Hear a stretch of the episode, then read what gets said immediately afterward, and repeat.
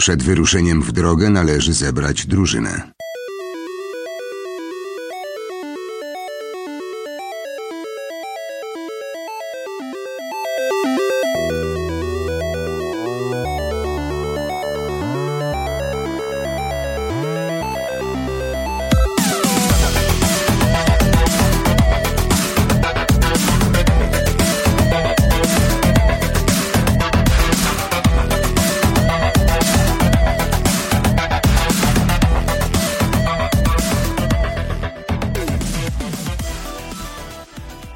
Witamy bardzo serdecznie w kolejnym 244 odcinku podcastu Bezimienny. E, ostatnio ja jestem za mikrofonem, więc tym razem też będę za mikrofonem, czyli Christian Kender przy mikrofonie. Ze mną w studiu będzie również Rafał Radomyski. Cześć wszystkim, witam. Będzie z nami Tomasz Wasiewicz. Stęskniłem się bardzo, także witajcie. Tak, zapomniałem w ogóle powiedzieć, że po dłuższej przerwie.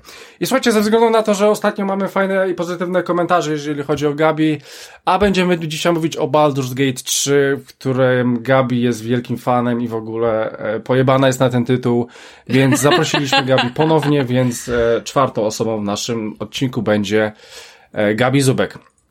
Dzień dobry, dzień dobry, raczej dobry wieczór. E, dobry wieczór. No w sumie dobry wieczór. Dobry wieczór, bo nagrywamy koło 20.30 30 sierpnia 2023 roku. E, słuchajcie, jak słyszycie, Mikołaja nie ma, ale Mikołaj już będzie na 100% w następnym odcinku. Jak go nie będzie, to go wypierdolę. Więc będzie. Wydaje mi się, że jednak wpadnie. E, więc e, e, na pewno do nas e, wróci. E, I słuchajcie, tak jak już powiedziałem, Baldur's Gate 3 będzie tematem głównym naszego odcinka. Przeszliśmy tą grę, więc mamy wiele e, ciekawych spostrzeżeń do powiedzenia. Ogólnie świat jest zachwycony tym tytułem. U nas zdania są podzielone, o czym się dowiecie. E, więc Baldur's Gate 3 jak najbardziej dzisiaj wiedzie. No i słuchajcie, zaczynamy, zaczynamy z Patronite'em ogólnie, no bo jest koniec miesiąca, tak jak powiedziałem, 30 sierpnia, więc trzeba przeczytać naszych patronów. E, więc w tym miesiącu e, bardzo, e, bardzo dziękujemy następującym osobom. Adam Struzik, Ula Kender, Kamil Kender, Okularek, Tomasz Wasiewicz, Karol Krajewski, Nikita Zukarnajew, Jacek Olbryś, Michał Słowikowski, Kamil Sieruta i Blaze Przybyła. Więc dziękujemy Wam bardzo. Ja tylko powiem, że już dwie gry z patronów aktualnie ogrywamy. E, więc jest super. Kolejne, już mamy dwa tytuły przed nami, też z patronu, więc ogólnie na ten, na ten moment już wiemy w cztery gry, które będziemy grali, więc, więc jest, jest tego dużo, jest tego sporo, aby nam czasu e, starczyło na to wszystko. No i słuchajcie, e, powiem teraz chyba w sumie tak po raz ostatni o koszulkach, tak? Więc mamy ten próg, ten próg, którego limit już się dawno skończył, ale stwierdziłem, stwierdziliśmy, że będziecie mogli kupić wyjątkowo gadżet, który właśnie stworzymy. Ten gadżet to będzie koszulka e, podcastu bezimienny. E, I żeby dostać możliwość kupienia tego gadżetu, nie będę odpalał żadnego sklepu, widziałem, widziałem w ogóle jedna strona odpaliła sklep, wyobraźcie sobie, odpalili sklep, podali cenę, zamówili pewnego rodzaju nakład, dzięki czemu dostali cenę, jaka za to będzie, i tylko 30% e, sprzedało, sprzedali tych koszulek, więc jest dramat, więc ja nie chcę robić takich rzeczy, nie lubię robić takich rzeczy. Ja sobie po prostu zbiorę ludzi i, i wezmę od nich hajs, e, i dopiero wtedy powiem wam, e, jaka to mniej więcej będzie cena. W sensie, że już w tych preorderach będę, będę wiedział, jakie to są widełki. Tak Faktem jest, że... jak weźmiesz hajs i następnym razem odezwiesz się do nas z Bermudów. no nie, no nie, nie, nie. E, skok Stewczyka. Nie, ten był jakiś tam e, Albert, Amber Gold, tak? W Polsce. Tak, Dobra. Tak. E, więc, e, więc słuchajcie, e, więc, żeby mieć możliwość zakupienia tej koszulki, mówię to po raz ostatni, e, musicie być naszym patronem. Żeby być naszym patronem, wchodzicie na patronite.pl, szukacie bezimienny podcast, czy w linku do tego odcinka bierzecie jakąkolwiek opcję. Została najtańsza albo najdroższa, więc proponuję najtańszą. I ja we wrześniu piszę maila do wszystkich patronów z ceną koszulki, z zapytaniem, czy są zainteresowani ceną koszulki i ewentualnie jej rozmiarem. Więc to jest już ostatni dzwonek. E, już raczej nie będę przypominał, aczkolwiek mam pewien pomysł, żeby wrzucić na grupę, na grupę, może w ogóle wszędzie, gdzie jest bezimienny, dwa, takie, taki mały spoiler koszulki, jak to mniej więcej będzie wyglądało, tak w 20% co ta koszulka może przedstawiać. Powiem wam, że to będzie zupełnie inna koszulka. Zresztą, Tomek był u mnie i to jest w ogóle ciekawa anegdota, bo Tomek u mnie był ze swoim pomysłem tej koszulki. I suma summarum wyszło, że po moim pomyśle stwierdził, że jego pomysł jest bardzo zły. Co oznacza, że naprawdę mamy, to będą bardzo fajne koszulki. Prawda Tomku, że to będą fajne koszulki? Tak było, tak, tak. My będziemy mieć zajebiste koszulki. No, słuchajcie, więc będziemy mieli zajebiste koszulki. I słuchajcie, i jeszcze wykorzystam to, bo Tomek był ostatnio właśnie u mnie w Anglii. E, no, wpadł tylko na weekend, ale po raz pierwszy się w końcu poznaliśmy. I mieliśmy, i mieliśmy bardzo ciężkie, um, um, mieliśmy taką burzę mózgów, e, jeżeli chodzi o pewną kwestię. I to było pytanie na Spotify, ponieważ Tomek, Tomek był święcie przekonany, że odpowiedź jest taka, a ja święcie e, przekonany, że odpowiedź jest taka. Więc słuchajcie, zadałem wam na Spotify'u pewne pytanie. Brzmiało ono następująco. Masz 5 sekund na odpowiedź. Chodziło mi, żebyście nigdzie nie zaglądali, tylko tak jak wam się wydaje. Co jest bar bardziej wartościowe waszym zdaniem? Żółtko jajka czy białko jajka? E, no i słuchajcie, 80,8% osób stwierdziło, że to jest żółtko, a 19,2, czyli tak jak Tomek stwierdziło, że to jest białko. Słuchajcie, mieliśmy mocną dyskusję, e, mocny wieczór e, i dyskutowaliśmy o tym. E, no i Tomku, no, no wydaje się, że żółtko, no. Ponad... No, lud przemówił. No, lud przemówił, więc, a powiem wam, że coraz więcej jest tych odpowiedzi na Spotify, super. E, więc, e, no żółtko. No jednak żółtko. Słuchajcie, to było takie for fun e, pytanie, e, bo takie, takie po prostu, e, to, to było takie, takie chwilowe, że tak powiem. Teraz będzie jakieś bardziej konkretne, więc dzięki wam bardzo za odpowiedź na to pytanie. No i co? Może jesteście w błędzie? E, może, no nie, nie, nie, spokojnie, spokojnie. Nie, nie aż tak, nie aż tak. To już wiadomo, kto jest w, kto jest w błędzie. E, dobra, więc słuchajcie, i jak wywołałem Tomka, to może jeszcze e, to, że Tomek był w Anglii, E, poprowadzałem e, Tomka po paru miejscach, byliśmy w różnych fajnych miejscówach i nawet Tomek mi coś zaproponował. No i Tomku, co ty mi zaproponowałeś i gdzie ty mnie zabrałeś? W sumie to ty mnie zabrałeś, można tak powiedzieć. Tak, można tak powiedzieć, tak. E, jest to miejsce, które ja poznałem dzięki swojemu koledze Piotrowi z Liverpoolu, którego bardzo pozdrawiam, o pseudonimie Krew666. Sześć, boże, trzy szóstki powiedziałem, czy dwie? Dwie chyba. Powiedziałeś trzy, trzy, trzy, trzy szóstki, sześć, sześć, sześć, ale powiedziałeś no. tak. krew jako jedno w, w, w, na końcu, nie? Tak, tak, tak. Podwójne nawet V. No. E, jest, jest, to, jest to kolega, z, z którym się znam już e, od e, dłuższego czasu. On też pokazał mi właśnie targi GX, które mam nadzieję w tym roku pokazać również Krystianowi. Więc tak trochę, trochę się to wszystko przenosi od, od jednej osoby do drugiej. ale jest to fantastyczne miejsce, które ja jakby zaproponowałem na wypadek złej pogody, ponieważ Krystian sprawdzając pogodę powiedział, że no słuchaj, no wszystko fajnie, ale prawdopodobnie będzie lało cały dzień. Ja mówię, no dobra, no to y, Rafał tutaj nam pokazał w Krakowie Arcade Museum, które jest naszym zawsze najważniejszym miejscem do odwiedzenia, jak jesteśmy u Rafała w Krakowie. No to może właśnie z Krystianem wybierzemy się do podobnego miejsca, y, które ja właśnie poznałem i jest to Arcade Club y, w miejscowości Bury. Ogólnie są trzy e, te arcade cluby w, w okolicy. Akurat ta jest tą, w której ja byłem, ale też przy, przy okazji e, była najbliższa do, do Rotterdam, w którym Krystyna mieszka. E, więc wy, wybraliśmy się tam całą ekipą, ponieważ ja, ja byłem z żoną, córką. Krystian również był z żoną, siostrą żony i córką żony, więc byliśmy naprawdę, naprawdę konkretną ekipą tam. I córką żony. Ja o niczym, Boże, ja o niczym nie siostry. wiem. Ja o niczym nie wiem. Siostry, córką siostry. okay, no. O, tam, tam wiem, że tam z nami nigdy ten, ten. A w każdym razie taką naprawdę solidną ekipą, e, czterech dorosłych, e, czterech? Tak, czwórka dorosłych, dwie, dwie, dwie, dwie, dwie dziewczynki. E, I e, byliśmy w miejscu, które tam chyba pięć pięter miało e, zapełnione różnego rodzaju automatami. Oczywiście to było podzielone na sekcje, czyli jakieś tam japońskie szaleństwa były na jednym poziomie, e, na jednym były takie bardziej gry e, w stylu rzucanie piłką do kosza, czy e, Cymbergaj, znany z nadmorskich miejscowości w Polsce. Czyli ice hockey, Tudzież, tak? Chodzi ci o to? Tak, air hockey się chyba nazywa. Air hockey, tak, air hockey. No, no. Ale, ale po, po polska nazwa prawidłowa jest Cymbergaj. I, I właśnie tam, tam, tam żeśmy sobie spędzili miło kilka godzin. Jest to miejsce przepełnione po prostu automatami. I mówiąc szczerze, e, zapamiętałem je na dużo większe, natomiast muszę przyznać, że ten e, Arcade Museum w Krakowie jest e, miejscem, co prawda, gdzieś o połowę mniejszym, ale nadal godnym. I fakt, że dokładają tam nowe maszyny, sprawia, że może niedługo będzie się mógł, mógł równać z tym miejscem.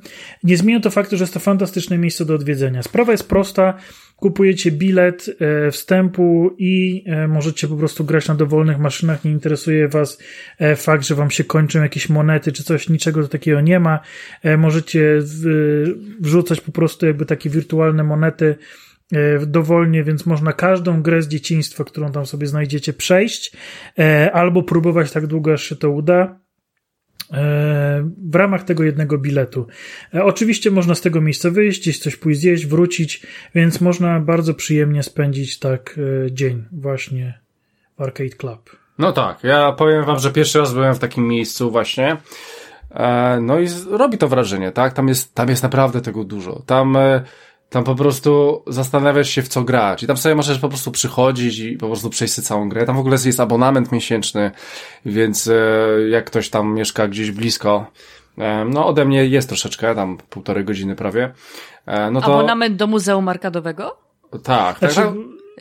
A, tak, no, masz membera i sobie przychodzisz kiedy chcesz, tak? Wiesz. E, no to A ty, Gabi, to, Gabi że... byłaś w tym krakowskim? Byłaś na pewno. Oczywiście, że byłam parę razy. Uwielbiam gry taneczne. No i e, mają tam taką e, zajwistą gierkę, która polega, brzmi to banalnie, ale jest strasznie trudna, żeby utrzymać równowagę i dostarczyć piłeczkę do dziurek, które są tak jakby im wyżej, tak jakby niesiesz tę piłeczkę, takim patykiem poziomym, tym trudniej ci jest rzucić do kolejnych e, otworów. I im wyżej, tym gorzej i rzeczywiście to jest strasznie uzależniające. Pamiętam, trochę czasu nad nią spędziłam.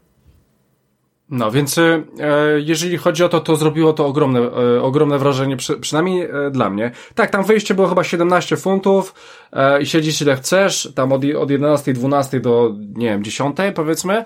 No i jest ten abonament, on chyba koło 4 dych kosztuje. E, wydaje mi się, że on był w cenie trzech biletów pojedynczych. No, no to wychodzi 42 w sumie, no. E, no, więc e, nie to więcej, to 51 wyszło, ale wydaje mi się, że 40 albo 45. No może było, no ale gdzieś, mi, gdzieś pamiętam, że już przy trzech wizytach miało to sens. Tak, e... tak, więc e, słuchajcie, no miejsce jest ogromne, fajnie, że na każdym, tam trzy piętra są, na każdym jej piętrze była w sumie toaleta, więc to było spoko. E, jest tam też e, miejsce, gdzie można sobie zjeść więc e, jest super. Oczywiście I, i są dwa bary też, e, gdzie, gdzie jest picie. Jest tak. jedno miejsce z jedzeniem i dwa bary z piciem. E, więc ogólnie, słuchajcie, no tych maszyn jest dużo. Dostało obok siebie na przykład Mortal Kombat, cztery części i wszystkie cztery obok siebie, tak? Więc e, podchodzicie, nie wiem, w dwójkę, graliśmy w trójkę, mi coś tam kucanie nie działało. W, dwu, w dwójce coś też mi jakiś guzik nie działał. Dobra, to olaliśmy, to poszliśmy gdzie indziej. Ale ogólnie, słuchajcie, no wszystko jest. Są te Street Fightery, no jest nawet, był Soul Calibur. Mnóstwo flipperów. E, no słuchajcie, było w ogóle Taikon no Tatsujin. Czyli to uderzenie bębenkiem. Tam był ten bębenek, co recenzowałem to na Xboxie, wyszło to na Game Passie, ale to ogólnie jest na Switcha, jest ten bębenek i tam był ten bębenek i można w dwójkę sobie w to pograć. Grałem ze swoją żoną, tylko że wszystko jest po japońsku, kompletnie, więc wybraliśmy jakąkolwiek piosenkę, żeby tylko grać. E, no jest dużo jakiś Final Fantasy, nawet grałem, Tomek jakieś mi zdjęcia nawet wow. robił przy tym. Serio? Tak, tak, tak ale to było, to było coś Ale to takiego... tam u ciebie, czy tu w krakowskim? Nie, nie, nie, tu. Nie, nie, nie, w tym w Anglii. E, a to, pograłabym. To, ale, to było, ale to było coś takiego dziwnego, jakąś linię się To robi... był taki beat'em up yy, yy, z Cloudem i spółką. Jakąś taką, ale to, to było strasznie dziwne. Jest jakiś Guitar Hero, no słuchajcie, no wszystko, no bo naprawdę tam było 500 gier. Nawet fro, tych klasyk w ogóle było dużo, jakiś Froger, to się Froger, Froger chyba, tak? E, przechodzenie mm -hmm. przez, przez jezdnię tą żabą, no, no takich rzeczy było było mnóstwo. E, więc ogólnie polecam, szczególnie w Polsce macie, jeżeli macie faktycznie w Krakowie, no to, no to chyba taka pozycja obowiązkowa wydaje mi się, no bo to jest kawał historii. Moim zdaniem za krótko tam byliśmy, Tomek. Ja, ja nic tam nie zrobiłem. Nie, no wiem, to, to no, było więcej było szukania, to było szukania po tych piętrach, okej, okay, gdzie co jest, okej. Okay. Później, później coś tam zaczęliśmy, dobra, może coś z, z, zagramy. Później ty do mnie doszedłeś, dobra, zagrajmy w coś razem. Później, dobra, trzeba coś zjeść. To już wyszliśmy i już później, no już była lipa, nie? Ale, ale po prostu to jest na cały dzień, no naprawdę cały dzień można tam spędzić, autentycznie. W ogóle ja najbardziej lubię w tych maszynach, jak rozmawiałam z panem Marcinem, właśnie właścicielem Muzeum Arkadowego, że te maszyny są po prostu idiotoodporne. Cokolwiek z nimi zrobisz, to one to przeżyją. E, no, na pewno muszą mieć jakiś serwis. E, wydaje mi się, że e, wydaje mi się, że musi być tam jakiś inżynier, który co jakiś czas sprawdza, co jest z tymi maszynami. Ogólnie w Anglii, jak był Tomek, to naprawdę było dużo osób i robiło się coraz więcej. Tam, no, nie było gdzie zjeść w ogóle przede wszystkim w tym miejscu, więc ogólnie jest to bardzo popularne. Tylko ja się tak zastanawiałem, ile to prądu pożera, wszystkie to odpalone, te kineskopy stare. E, wydaje mi się, że to trochę żre. Faktem jest, że bardzo fajne miejsce na mapie świata do, do, spędze, do, do ogarnięcia Arcade Club w Bury. W Anglii to jest na północy Manchesteru, w sumie bardzo niedaleko od Manchesteru, bo przyjeżdżaliśmy przez Manchester, więc polecam jak najbardziej, szczególnie e, Bakule bym to polecił, bo on jest z Anglii i w sumie Struzikowi też. No więc e, wam to polecam. I słuchajcie, i przejdźmy teraz coś, żebyście tak troszeczkę się to otworzyli, więc dostaliście kod na grę. Na grę, której recenzję już robiłem. No i powiem wam, że to był symulator, e, sur, survival, survival simulator w sumie. To był survival, ale bardzo symulacyjny. E, tam można było zginąć w przeciągu, no dosłownie, no nie wiem, no ukąsił was wąż i w sumie jak nie znacie gry, to już jesteście w dupie umieracie.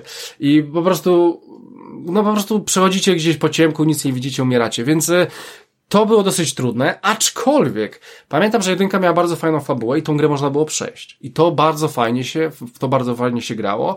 I jeszcze lepiej grało się w koopie. Oczywiście e, gra, którą chłopaki będą e, omawiać, to jest Green Hell, ale dostali kod na VR, więc e, domyślam się, że nie wiem, czy mogliście razem zagrać. Faktem jest, że na, na pewno nie mogliście zagrać razem na konsoli, tak jak ja grałem ze swoją żoną, więc jestem ciekaw, jak wasze odczucia tej, e, tego tytułu, w sumie polskiej produkcji na VR-ze. Rafał, zacznij. Nie wiem, czy to jest... Mm ciężko nie mieć mieszanych uczuć do, do tego, bo, bo to jest gra, która nigdy nie była projektowana na wiara od, od samego początku, tylko, tylko wyszedł po prostu do tego update. I ja zawsze z ogromnym dystansem podchodzę do takich gier, bo bo dobra gra wiarowa już na etapie wiesz, całego mm, projektu rozgrywki i, i, i, ogólnie tego, jaką zawartość y, ma zawierać, y, to, to już na tym etapie decyduje, czy będzie, będzie fajną i dobrą grą wiarową. Jakby wiemy dobrze, że y, tego typu rozwiązania dodatkowe, czy to wychodzące jako oddzielna gra, czy, czy, czy jako jakieś e, oprogramowanie, rzadko kiedy e, się w należyty sposób e, spisują. Tutaj mogę jeszcze powiedzieć, że, że gdzieś tam szykuje się do rozeznania się głębszego w właśnie takowym dodatku do Rezydenta 8, który specjalnie jakby w tym kierunku mm, zakupiłem na, na PS5, yy, bo oryginalnie go przechodziłem na Xboxie. Przy czym demo było sugerujące, że jednak dużo pracy tam zostało włożone. Pytanie tylko, jak to się sprawdza w, w, w projekcie rozgrywki.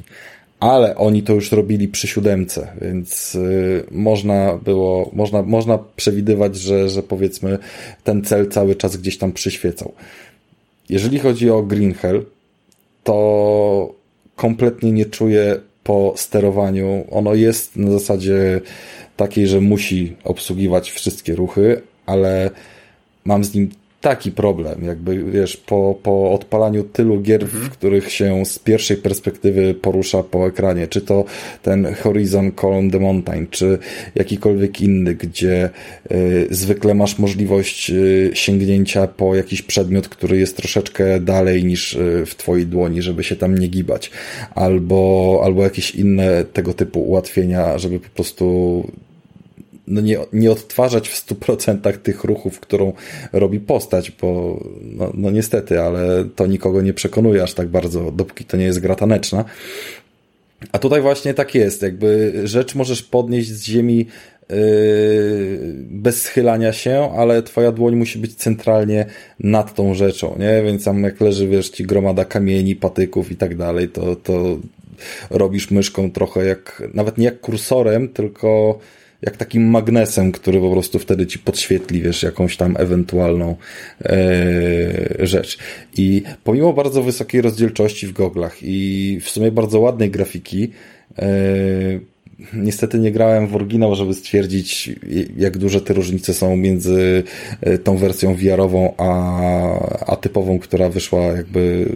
Znaczy tutaj już właśnie trzeba powiedzieć, że w odróżnieniu właśnie od Resident Evil to nie jest tryb, tylko to jest jakby osobny tytuł. Tak, tak, tak. Jest no ale. na bazie tego, tego więc, więc jakby też nie, nie dane nam było przy okazji tego kodu e, zobaczcie, jak ta gra działa bez VR-u.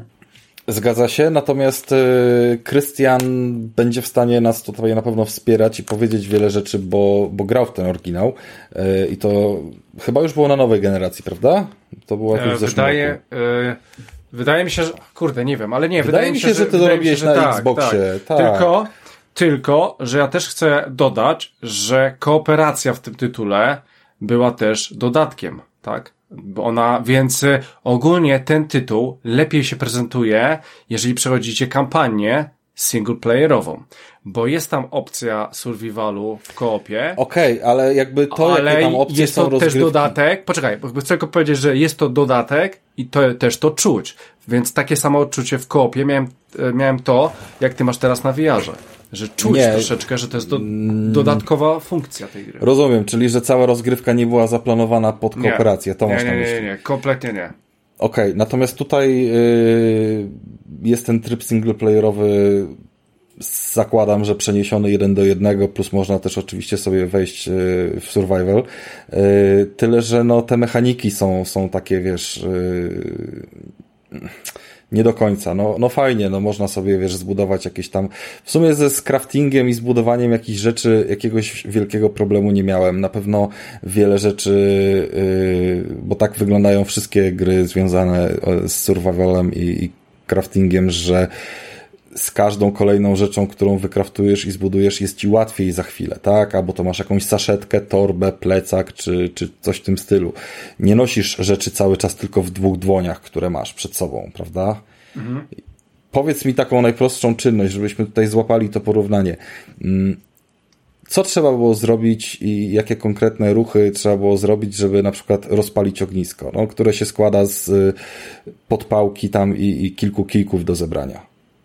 Jak to się odbywało na padzie w normalnej wersji gry? E, znaczy, z tego co się orientuję, to nie pamiętam, Rafał. Nie, nie, ja grałem w to tak dawno, że nie pamiętam, a jeszcze wszedł mi inny tytuł i, i bardzo był zbliżony do tego. Więc kompletnie nie powiem wam. Ja tylko zapamiętałem, że ta gra była bardzo ładna e, na, na konsolę. Tak, ona jest ładna, szczególnie bardzo w tej, trudna ona jest łatwa, znaczy Boże, ona jest ładna w tej sferze, którą masz przed oczami, czyli yy, krzaki, liście, kamienie. Tutaj są fajne, ładne modele, jest ich dużo. Yy, przy zbliżaniu się do nich jakby nie czuć yy, jakiegoś, nie wiem, mm, rozeznania, że, że, że nagle uderzają cię jakieś, wiesz, piksele i niskiej jakości tekstury. Natomiast choć wszystko praktycznie tutaj stanowi jakiś element do rozbiórki, bo kamienie, bo liście, bo masz maczetę, bo możesz sobie to wszystko ścinać, mhm. to jest to zrobione w takiej kategorii gry, wiesz, yy, najniższych lotów, że po prostu machniesz tym kijkiem i coś nagle z modelu A zmienia się na model B, z modelu zwykłego krzaka zmienia się na model pięć liści i, i kamień, rozumiesz? Takie puf, mhm. nie? W momencie, no. kiedy grasz w grę niestylizowaną w jakąś tam, nie wiem, yy, powiedzmy animowany świat i, i, i, tego typu rzeczy, to takie rzeczy wybijają cię z tego rytmu, bo z jednej strony ta gra wymaga, żebyś y, podniósł prawą ręką krótkofalówkę, a lewą ręką nacisnął przycisk na tej krótkofalówce, żeby wybrać dialog, czyli wiesz, full imersja. Nie, ma, nie można tego zrobić skrótem, trzymając krótkofalówkę, żeby, nie wiem, nacisnąć krzyżyk. Yy przynajmniej nie zauważyłem, żeby to działało i się upierało, żeby, wiesz, drugim palcem wskazującym wciskać w ten przycisk, kiedy kontrolery stukają o siebie, bo, bo, bo robisz taką dziwną rzecz. E, a jednocześnie idziesz, wiesz, e, jakiegoś tam krzaka czy drzewo ściąć i ono się po prostu robi, wiesz, puf, nie? To jest takie charakterystyczne. Puf i nagle masz pięć yy, patyków na ziemi zamiast drzewka, nie? nie no właśnie to mnie trochę wkurzało, że yy że próbowałem coś ściąć i jakby no, wie, wiesz, no jakby, jakbyś ty miał ściąć tego liścia, to byś go chciał przy ziemi. I ja macham, macham, macham, macham, a chodziło o to, że ja to muszę z góry walnąć jak w Minecrafcie, nie? Dokładnie i, i wiesz, masz... A to nie, było podświetlone na przykład, że go machasz, albo nie. żadnej wibracji na kontrolerze, nie, było, nie, że trafiasz? Było, było zadanie, że, że tam wiesz, że masz po prostu coś ściąć wiedziałeś, że to jest ta roślina i masz odpowiednie narzędzie w ręku, żeby to ściąć, mhm. ale po prostu... Ym, nie było poziome, efektu, tak, nie było poziom, efektu tego, czy zadałeś obrażenia. W ogóle nie, nie, nie, nie nic bo, się nie bo... działo, po prostu przelatywało przez teksturę. Dopiero jak się z góry uderzyło, to, to zaskoczyło. To jest problem przy tych, mówi, to jest problem. jest zmiana w... No to w surowce. Inaczej, ale, jeżeli, ale jeżeli masz drzewko, daj mi powiedzieć, nie, bo no. to jest tak, jeżeli masz kamień, no to kamień jest mały i on tego swojego hitpointa ma dosyć jakby, wiesz, spasowanego z modelem.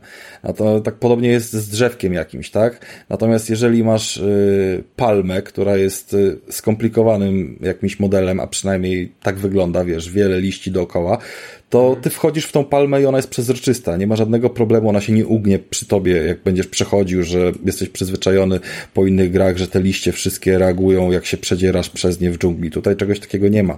Tutaj po prostu wejdziesz w tą palmę i będziesz nią, wiesz, yy, patrzył A przez nią. To nie? nie dotyczy troszeczkę ograniczeń sprzętowych w tej kwestii? Nie wydaje mi się, bo bo, bo czemu miałoby tak Nie, no nie. Znaczy, słuchajcie, no tutaj patrzę, koleżka łamie drzewo, to, to te drzewo się przewraca i podnosi to też drzewo, ziemi. Drzewo się przewraca, ale no jakby Czyli te, ta, palma, ta palma jest takim efektem, która, no, wiesz, ona jest, jest taka... duża, rozbudowana, no. y, ładna, to ona się jakoś nazywa fachowo, ale nie pamiętam teraz z tej pięknej rośliny i mhm i ona jest duża, fajna, machniesz y, maczetą i ona się zmienia, robi puf i, i zmienia się, wiesz, y, w trzy liście No dobra, ale, ale no dobra. I to są, to są rzeczy, które w jakiś tam sposób cię wybijają z imersji, no o tym rozmawiamy. Ja nie mówię, że to jest złe, głupie, jakby w innych grach też tak jest i ja rozumiem, dlaczego na przykład Valheim y, jest tak wymagający w kontekście, wiesz, nawet ostatnio o tym mówiłem przy Teardownie, że no jeżeli coś jest mocno rozbudowane fizycznie, bo wszystko teoretycznie możesz zniszczyć, zepsuć tak tak dalej, to ok, ale no Valheim tak właśnie działa, że wszystko jest tym modelem 3D i drzewo jak się przewraca, to też przewraca się na e, określoną stronę, a jak zaczynasz je rąbać, gdy leży na ziemi, to kłody zostaną w tym miejscu, w którym je przepołowisz na przykład, nie? Mhm. Więc jest to, jest to po Ale prostu... na przykład odłożyłem sobie strzałę na później, bo, bo przy pierwszym kraftowaniu strzały coś mi tam nie poszło i myślałem, że muszę ją podnieść z ziemi i położyłem ją sobie na ziemi i zanim udało mi się złapać łuk, to ta strzała mi zniknęła. A wiesz dlaczego ci zniknęła? Dlatego, że mm, Ziemia również jest takim problemem. Ona ma w ogóle bardzo taką irytującą teksturę. Yy, no jakby zdjęcie ziemi w dżungli, nie? Czy, czy liści w no, parku, no, czy coś w tym tak, stylu. Tak, tak, tak, I to jest nałożone na jakiś tam model trójwymiarowy ale ten model trójwymiarowy znów nie jest hitpointem.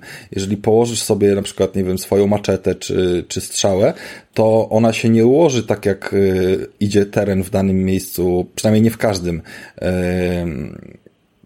Tak, że widzisz, że leży, tylko się właśnie trochę zapadnie, bo hitpointy są ułożone jakąś prostszą y, pod spodem, mm, nie wiem, sferą czy, czy płaską powierzchnią, która nie uwzględnia tych, tych różnic. Przez to na przykład ona będzie tam leżała, ale ona ci wpadnie pod teksturę i tam, tam będzie. Tak samo maczeta. Ja na maczetach wiele razy podnosiłem, widząc tylko fragment jej yy, rączki. Nie, to ta strzała, ja tam, tam się prawie czołgałem po tej ziemi, żeby to strzała bardzo, bardzo chciałem postrzelać z łuku i niestety nie. Tak, i kolejną, kolejną Ale rzeczą... strzelanie z łuku jest trudne ogólnie. W sensie chyba... Jest, jest bardzo trudne. Tak, to, to, to akurat za, za, za, pamiętałem. No, teoretycznie ono nawet tutaj mogło być łatwiejsze jako naturalniejszy trochę ruch, ale, ale nie wiem. Natomiast y, jakby ja wiem, że ta gra jest trudna, ja wiem, że wiele razy można było jakieś tam przeklinać kwestie i być może też tak miałeś na telewizorze, że y, robactwo, skorpiony czy węże były dla ciebie jakimś tam zagrożeniem, przed którym ciężko było jakby w normalny sposób uciekać, bo musiałbyś się cały czas czołgać po ziemi, a i tak byś nie zobaczył tego skorpiona. Czy grając w tą grę na telewizorze byłeś w stanie wypatrzeć niebezpieczeństwo na ziemi? E, u mnie? Tak, e, tak, tak, tylko że po pierwsze, roślinność jest bujna, więc trzeba, trzeba zwracać na to uwagę, bo na ogół jak się idzie, to ta, to ta kamera nie jest do ziemi, tylko jest na wprost, więc trzeba uważać na wszystko, co się rusza. A jeżeli chodzi o, o jak już był zmrok, to kompletnie nic. Kompletnie no nic to... i jak pochodzisz, chodziłem gdziekolwiek po zmroku, to na ogół coś mnie upieprzało i jeden, dwa dni umierałem, no bo antidotum to ja nie wiedziałem w tej grze jak się robi. Tylko bierzcie pod uwagę, że ja grałem w koopie, w którym nie miałem takiego wprowadzenia jak jest w singlu, więc okay, to też ale, troszeczkę ale inaczej wyglądało. Abstrahując, no. abstrahując od wprowadzenia i, no. i od tego, rozmawiamy o mechanikach teraz. Łatwo nie? zginąć. I, I to na pewno jest, że łatwo zginąć. Natomiast jeżeli masz sytuację, że wiesz, że na ziemi jest skorpion, który jest wielkości takiej, że spokojnie by się zmieścił pod y, liściem krzaka, który jest obok, który zwykły rośnie na ziemi, nie jakaś, mhm. wiesz, wielka tam roślina. Malutki skorpionik on mnie ujęłał powiedzmy cztery razy pod rząd. Ja cztery razy przechodziłem po nim, żeby go zobaczyć i, i nie byłem w stanie go zobaczyć, pomimo że kucałem. Miałem okay. wiary i teoretycznie widziałem jakby każdy błąd w tej teksturze i jakby wiesz, jak ona jest, y, no jakby widziałem całą brzydotę powiedzmy y, skupioną przy ziemi tej gry jednocześnie nie mogąc dopatrzeć się tego skorpiona i dopiero, nie wiem, chyba za czwartym razem jak mnie ugryzł, to gdzieś go tam zobaczyłem pod odpowiednim kątem się ustawiając, a to był tylko jeden skorpion. Jakby nie, nie wyobrażam sobie yy, unikania skorpionów na większą skalę, bo musiałbym cały czas chodzić w kuckach i skanować każdy metr kolejny terenu, po którym chcę przejść, nie? Więc yy, jest to dziwne, może są jakieś inne sygnały, bardziej dźwiękowe i tak dalej, ale mm, na dźwięk też mogę ponarzekać, dlatego że jeżeli jesteś w jakimś miejscu, dam przykład, załóżmy fragmentu półotwartej takiej jaskini, powiedzmy kawałek groty, coś tam zadaszone, coś tam wisi nad tobą jakiś prezent i możesz podejść sobie bliżej krawędzi, tak że słyszysz dźwięki z dżungli idące.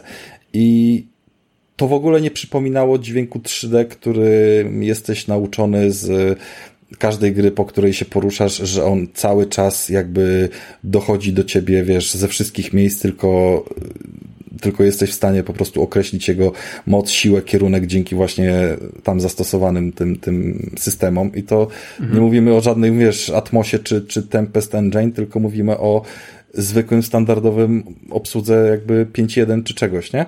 A, a tutaj jest tak, że zrobisz metr do tyłu i słyszysz całą dżunglę, robisz metr do, do przodu i jesteś w wiesz, yy, widzisz dalej wszystko to samo, widzisz jebany wodospad, a go przestajesz słyszeć, bo, bo jesteś w jaskini, nie?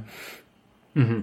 I wtedy, I wtedy na przykład zaczynasz słyszeć, wiesz, jakieś owady i, i inne rzeczy, nie? Okej, okay, no jakby to jest ważne, ale to też wybijało mnie z rytmu. W sensie liczyłem bardzo, że poczuję się w tej grze tak jakby jak najbardziej wrzuconym. Szczególnie, że no i to sterowanie i jakieś te wszystkie ruchy, które, które teoretycznie wymagają, żebyś bardzo się przyłożył do tego, żeby dało ci to imersyjne odczucie, a, a ona to utrudniała. Bardzo, bardzo mocno to utrudniała i i zniechęcała dużo, jakby krótko mówiąc. Ok, mam notatnik na klacie, mam radyjko w drugim miejscu, mm, dwie szlówki po lewej, po prawej, żeby sobie podtrzymać, czy, czy jakieś narzędzia, strzały, łuk, nie wiem, maczetę, ale ani nie czułem, żeby one były we właściwych miejscach.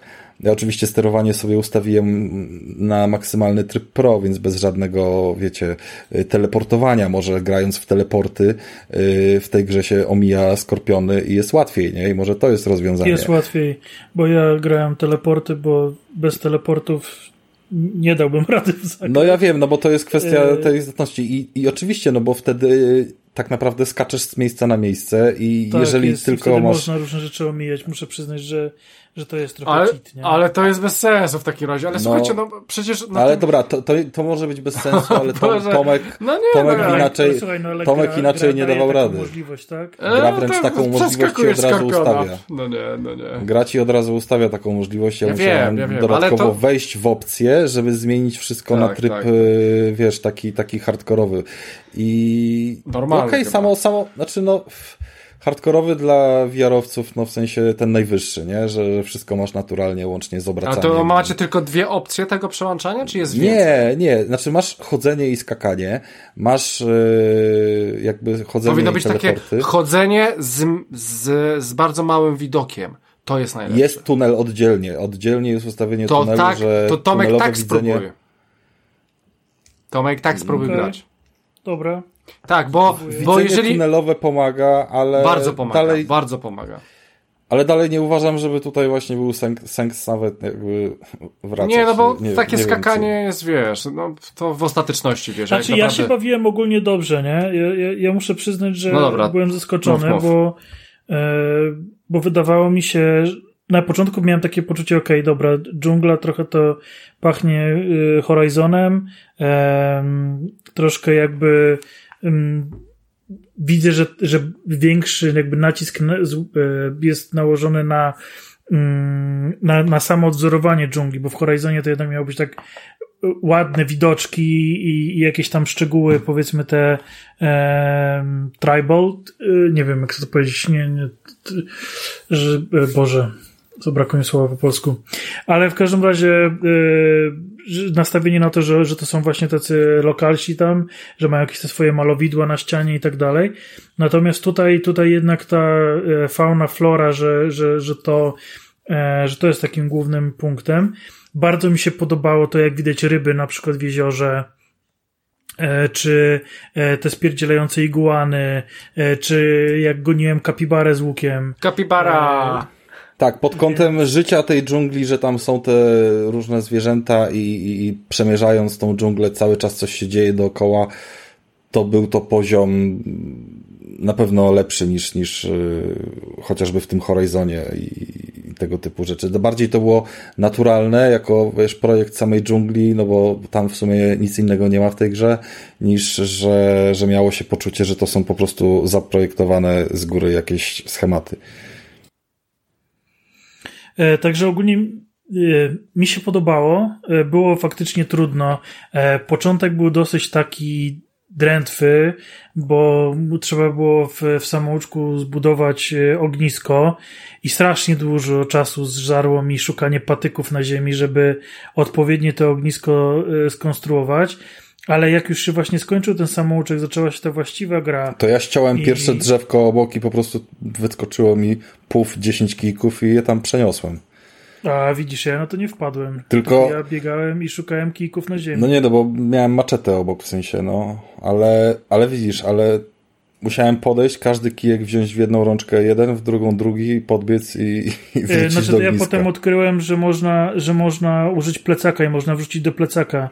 I że nawet nie trzeba plecaka zdejmować, tylko można jakby rękę E, dać za plecy i wtedy to się, to się jakby automatycznie dodawało do plecaka. I myślałem, że też tak jest, w sensie domyślałem się, że taka funkcja może być, ale mi nie załapał hitpoint, jak tak robiłem ręką, nie było żadnego Aha. podświetlonego, więc to przeskoczyłem, tym bardziej, że jakby gra też sama nie zasugerowała takiego rozwiązania. E, no nie, ja to sam odkryłem. Więc, więc widocznie źle wykinałem rękę, nie trafiłem w hitpointa i okej. Okay.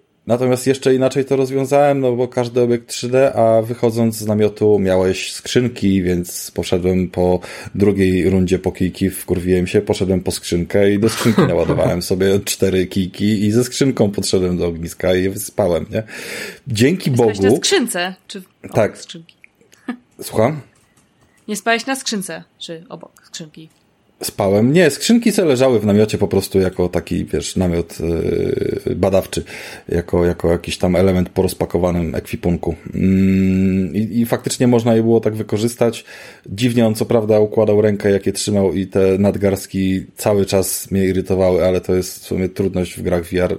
Chyba lepiej wyglądają same dłonie, jak nie mają ramion, bo zrobienie dobrego, yy, wiecie, modelu udającego ramiona pod odpowiednim kątem, żeby tak ci układały się jak twoje ręce. Przecież jakby ty nie robisz nic innego z tymi nadgarstkami na żywo, co, co ta gra próbuje odzorować, ale to jak się do tego układają ramiona, to zawsze jest po prostu jakiś dramat, nie? Ale idąc dalej, yy, dobrze, że przynajmniej nie było takiego problemu, wystarczyło, że taki wrzucić tego ogniska i one się same układały i tak, potem tam prawda. strzelić krzesiwo, bo ognisko, jak na pewno Krystian pamiętasz, to to był taki, wiesz, domek z ogniska zrobiony, taka, taka tipi takie, nie? I gdyby te kijki trzeba było układać jeszcze, to... Aha, wiem, wiem, wiem, wiem. To by było trochę głupie i za dużo. Znaczy, na VR można by było, bo masz większą precyzję w teorii, nie? No właśnie z chwytaniem obiektów i tym, jak się je chwyta, jak je przekłada z ręki do ręki, czy nimi one też sprawiały wrażenie, że mają tylko ten chwyt, który podnosisz, że obiekt podnosisz i, i on już tak musi zostać w twojej dłoni. Znaczy nie, to ja nie miałem tego uczucia i ogólnie muszę pochwalić e, crafting, bo bo bardzo przyjemnie to było zrobione, że myślałem, że właśnie mogą być jakieś problemy tutaj z dopasowywaniem rzeczy, ale, ale naprawdę e, pozytywnie się zaskoczyłem, że, że żadnych problemów jakby tutaj nie było. Mm, wszystko, co trzeba było właśnie zrobić, było intuicyjne, e, czy jakieś tam właśnie strugałem kamienie, czy, e, czy, czy, czy robiłem strzały właśnie do łuku, to, to wszystko jakoś tak to było bardzo, bardzo przyjemnie zrobione.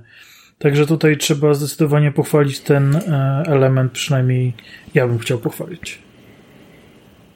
Czy on miał okay. swoje dobre strony, jak najbardziej. Jakby nie, nie, nie narzekam całkiem na crafting, bardziej to zbieranie rzeczy dookoła było takie nie do końca. Nie, nie wszystkie elementy były w nim idealne, powiedzmy. No, jak, jak tam się różne craftingi robiło i ale starały się to one utrzymać swoją naturalność. Niby wybierałeś sobie z ekwipunku, co chcesz zbudować i, i wtedy przechodziłeś tej rzeczy, ale to nie było tak, że jest to zaprojektowana minigierka, tak jak było w Horizonie, że ok, jak chcesz kraftować strzały, to robisz jakiś tam ruch, który jest zawsze taki sam i dochodzisz z czasem nim do wprawy, dzięki czemu o wiele sprawniej, szybciej kraftujesz te, yy, te ruchy bo to faktycznie przypominało minigierkę, nie? W Call of the Mountain. Jeżeli tam mamy to porównywać. No tak. E, dobra, czy chcecie jeszcze coś powiedzieć o tym tytule, czyli ogólnie e, polecacie? E, powiem wam, że byście mieli fajny dysonans, jakbyście na przykład teraz zagrali w tą wersję, nie VR-ową, to byście się, założy się na 100%, zastanawialibyście się, jak ludzie mogą grać w to bez VR-a, autentycznie. E, może sobie kiedyś sprawdźcie coś takiego, z takiej ciekawości, jak się gra w tytuł, e, który odpaliliście na VR, a później bez tego VR. Znaczy, no nie da się tą ukryć, drugą stronę. Nie to, da się ukryć, to jest że wielki... głębia jest super, nie? Głębia pozwalająca, wiesz, z oczu bohatera. Bo w ogóle w oryginale to widzisz za pleców kamerę, czy... Czy eee, FPP? Nie, nie, nie, FPP, FPP. FPP, no ale tutaj jakby ta głębia, że widzisz wszystko dookoła i ta dżungla jest ogromna i cię no tak, przytłacza. Tak, tak, tak. Dobra, tam są jakieś ścieżki i tak dalej, to nie jest taka totalnie free do eksploatacji y, dżungla, nie? Taki wielki open world, natomiast y, daje to uczucie przytłoczenia i że jesteś w środku i to jest ok, nie? Więc na pewno będzie miała swoich amatorów. Ta gra mnie nie przekonała, nie kupiła, ale może jeszcze może jeszcze spróbuję, może nie był to jakby mój dzień na tą sesję z tą grą, może więcej po prostu muszę wybaczyć tym mechanikom i się do nich nauczyć, przyzwyczaić. Ale w no, survivale, ale... survivale Rafał tak mają. Ja grałem w ten Stranded Deep, e, nawet mówiłem o nim jakiś czas temu, to, to tamte mechaniki są straszne, a szczególnie, że, no mówię, ja nie mogłem przez dwa dni czy trzy zastanawiałem się, skąd ja mam brać tam wodę. E, więc e, tam zawsze są uproszczenia. W survivalach niestety zawsze są uproszczenia, no i bierzesz to na klatę albo no albo w, to, w takie rzeczy nie grasz też, nie? E, no, ale ogólnie jak ja grałem, to, to ten Green Hell wydawał mi się super zrobiony, tylko że no i ja chciałem grać w to w kooperacji. Samemu mi się w to nie chce grać, a ta gra była na single playera, więc e, odbiłem się No po jasne. pewnym momencie. Jasne. E, to Tomku, chcesz coś jeszcze dopowiedzieć? Yy, znaczy, że faktycznie yy, przyznaję, że ja ogólnie nie gram w gry survivalowe, jakoś nie, nie, nie kręcą mnie. Natomiast tutaj yy, ten tryb fabularny zainteresował mnie na tyle, że, yy, że chciałbym pewnie kiedyś go dokończyć sobie. Mhm. No dobra, więc mm, możemy polecić, Rafał nie poleca, Tołek poleca, więc e, ja ogólnie polecam Green Hella, ale to no normalnie. Ja myślę, że może faktycznie jakieś takie rozwiązanie typu trochę gra na kodach, która też u- ułatwia te Teleporty. najbardziej teleporty, które raz, że zwiększają dostępność gry VR-owej samej w sobie, a, a dwa, że w jakiś sposób no jednak ułatwiają tą grę w kontekście takich takich wydarzeń, na które nie masz wpływu, no bo to nie o to chodzi w survivalu, żebyś po prostu pełną losowością tego, że cię ujebie pająk czy skorpion, wiesz, miał zdychać i umierać, bo to zniechęca, nie? To, to jest na zasadzie grasz w strzelankę i wchodzisz na minę, które nie są oznaczone, że są minami, no jakby. No tak, tak, tak, tak. E, Wiem o co chodzi. No dobra, słuchajcie, więc tyle jeżeli chodzi o, o Green Hella. Ja w ogóle tak sobie pomyślałem, że, e, że w tym lesie mówiliście o tych skorpionach, a ja mam jeszcze taką jedną grę, w której występuje skorpion. E, więc e, to, Tomku, e, ograłeś betę Mortal Kombat, e, Mortal Kombat 1, e, na, który, na którą czekam, więc powiedz e, parę słów o tej becie, czy faktycznie jest na co czekać, bo jestem sceptyczny. Słyszałem, że ten, e, że ten system z właśnie pomaganiem ci te, ten, ten drugi e, zawodnik, no to jest nie do końca takie fajne, więc e, ja chcę dowiedzieć się, jak tam twoje wrażenia, jeżeli chodzi o MK1 i czy faktycznie e, jest na co czekać. Ja oczywiście i tak we- wezmę to, no bo, no bo bardzo żałowałem, że nie wziąłem jedenastki na premierę, ale, ale jak to jest z twojej perspektywy, Tomku? No ja myślę, że weźmiesz, bo jakbyś kurde nie wziął, to byś mnie ładnie zostawił z grą. Wezmę, Bez- wezmę, bez- wezmę, bez- spokojnie, Bez spokojnie. kolegi do grania, także tutaj wiesz. Wezmę, wezmę. się pilnuj. Natomiast e, jeżeli chodzi o tą betę, no to ona była dostępna, wydaje mi się, że wyłącznie dla preorderowców. Mhm. E, A na pewno ja kod dostałem właśnie za e, zamówienie przedpremierowe. Em, I jakby ja się bawiłem fantastycznie. E, Było, Fantastycznie. Było kilku...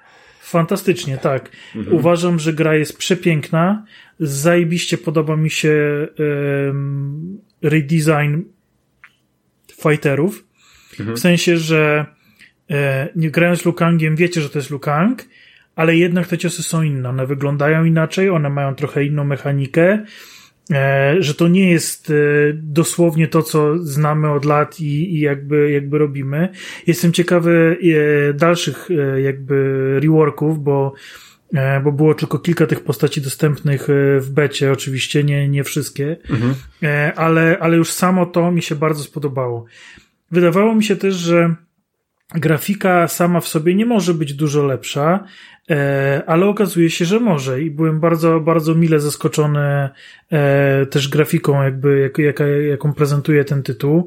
E, liczę, że, że nie będzie żadnych tam downgrade'ów, jeżeli o to chodzi, że już jednak ta beta była jakimś tam skończonym pro, produktem, gdzieś tam są dopracowywane ciosy, czy czy, czy jak te postacie się tam e, zachowują, czy jaki jest balans między nimi, a nie, e, nie będą się już nikt zajmować jakby samą grafiką, bo, bo tutaj naprawdę e, design postaci, e, to co działo się w tle, wszystkie te ciosy, no robiło to na mnie bardzo duże wrażenie, a wydawało mi się, że nie może mnie tu nic zaskoczyć, że to może być jakaś normalna, przyjemna ewolucja, ale mam wrażenie, że jest jednak e, krok dalej i, i, i że jednak jest to, jest to jakoś lepiej, lepiej e, zrobione niż, niż mi się wydawało, że może być.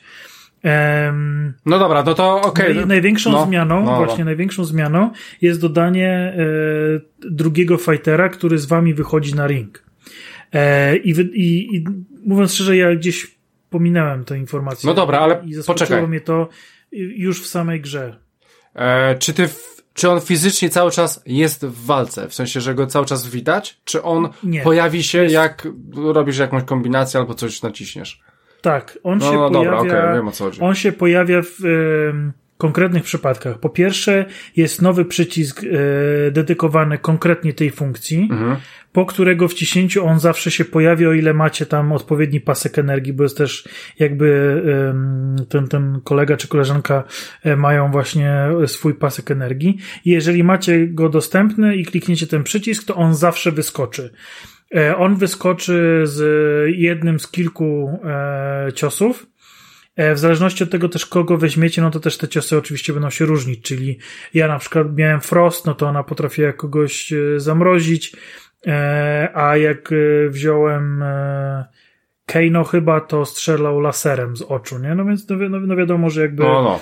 Jakby, jakby są te, te rzeczy takie ikoniczne do tych postaci, które gdzieś tam są używane. I oprócz tego, ta druga postać pojawia się też w X-Rayu, czyli w tym, e, w tym ciosie takim, e, kiedy wy macie bardzo mało życia i możecie raz na całą walkę, nie na rundę, tylko na całą walkę, wykorzystać tego X-Raya i jeżeli traficie, to zadacie bardzo duże obrażenia przeciwnikowi. I wtedy też ta druga postać się pojawia i to jest taki jakby bije, bije w tandemie. Em, I przy niektórych rzutach, czyli jeżeli rzucacie postacią, to czasami ta druga się też pojawi e, i coś tam, e, coś tam zrobi. E, mi osobiście to się spodobało, takie rozwiązanie. Mhm. Nie uważam, żeby mm, psuło jakoś szczególnie e, dynamikę starć. Em, poza takim em, no efektem graficznym nazwałbym to, że ta postać się pojawia, coś się dzieje więcej na ekranie, e, to nie widzę e, nigdzie jakby takiej przeszkody, że to jakoś zaburzy balans. Bo to jest po prostu jakby kolejny specjalny cios, który macie na podorędziu, e, a wynikający ze specyfiki, czyli z tego, że właśnie ta druga postać z wami jest, przez to, że możecie różne te postacie wy, wybierać, więc te efekty są różne, więc e, dla mnie jest to po prostu urozmaicenie e, starć, dodając może odrobinę jakby e, strategii, no bo tak jak właśnie no wspominamy, wspomniałem, no może, może nam zależeć właśnie na tym, żeby mieć tą postać do rażenia z odległości, a może mieć ją właśnie do zamrażania, żeby gdzieś tam e, nie grając właśnie postacią osobiście sam, zamrażającą kogoś tam zatrzymać w miejscu, więc e, więc no ja jestem otwarty na to, na, na, nie, nie chcę jakby jednoznacznie e, mówić, jak ty, kto będzie e, w pełnej wersji, ale to, co widziałem w becie mi się bardzo podobało, grało mi się fantastycznie, e, bardzo przyjemnie i, i, i czekam na więcej. Dobrze, Tomku, czekasz na więcej. Powiedz mi, czy tam jest też ten pasek, który jest do specjali i czy, Jest. czy do, i są też takie specjale, które zabierają 33% życia? Oj, tego to nie wiem, ile życia zabierało, ale na pewno specjale są. Znaczy w sensie, nie bo miałeś e, ten pasek do dopałki swoich ciosów, tak? Tak. Mogłeś go w ten sposób używać, albo Tak. całego, jeden cios trafiasz, nie trafiasz, trafiasz filmik i zadajesz 30% obrażeń, plus minus. Dalej to jest? Oj, szczerze to tego, tego nie Ale zrobiłem. wiesz o co mi chodzi? Nie wiem, wiem, wiem o co ci chodzi, ale nie, nie jestem w stanie ci No potwierdzić bo, tego. bo ogólnie to, to po, po, pojawiło się jakiś czas w Mortal Kombat i kompletnie mi się to nie podoba. Że wiesz, ty masz cały pasek, ty mi to robisz, później okej, widzę, że... Znaczy, no że... jest, ten, jest ten cios jakby taki krytyczny, tak? Czyli w momencie, w którym ty masz bardzo mało życia, Mhm. to możesz to zrobić i to zadaje chyba więcej niż 33%. No to właśnie o to mi chodziło. I jest, pojawia To to się jest. jakiś filmik, To tak? to jest. Tak, to to jest. Aha, to jest, W tym okej. właśnie bierze udział ta Postać druga twoja, osoba okej. też. Dobra, dobra, wiem. W ogóle tak sobie pomyślałem, że e, może być taki fajna, taka fajna opcja z tą drugą osobą, że mogą być specjalne fatale tylko na dwie osoby. Na przykład Scorpion z Sub-Zero zrobi tylko i razem jakiś fatal. E, no. E, faktem jest, w że tak. to- kooperacji? Robię Znaczy, to, jeden fatal? nie, nie, nie, znaczy tak sobie Nie, po, nie, nie, nie. pomyślałem, że jak wybierzesz sobie tą drugą postać, właśnie, nie wiem, e, Sub-Zero mając Skorpiona, to oni razem mają tylko Fatala, którego robią tylko oni razem, jak je wybierzesz, więc to jest też e, otwarta opcja, A, jeżeli... rozumiem, wiem, wiem o co chodzi. No, znaczy, to jest taka moja dywagacja, więc e, ja nie wiem, czy tak będzie, ale ja bym to tak widział. E, no dobra, no czekamy, Tomek, nie? Czek, czekamy chyba 14, Ja tak, tak, ba- ba- 14, 14 wrzesień, września. No, to, to jak przejdziesz, to mi pożyczysz najwyżej, nie? E, no, e, czekajcie, coś chciałem powiedzieć, e, tak, czekamy... Nie sądzę. Nie, no nie, spokojnie. Nie, szcz szczególnie na te dodatkowe postaci, jakiś ten Homelander, to w ogóle e, będziesz to, czy czy Peacemaker, no wow, wow, po prostu wow. E, więc e, koniecznie, koniecznie spokojnie będziemy grali na, na premierę. E, chyba, że później dostaniesz ten tytuł. No dobra, słuchajcie, teraz tak. I teraz zastanawiałem się, czy ma powiedzieć o swoim tytule, ale ze względu na to, że Baldur's Gate 3 robimy na trzy głosy, Obawiam się, że może wam to trochę zająć. E, szczególnie, że Gabi nic nie mówiła, więc będzie chciała powiedzieć, po, poopowiadać bardzo dużo.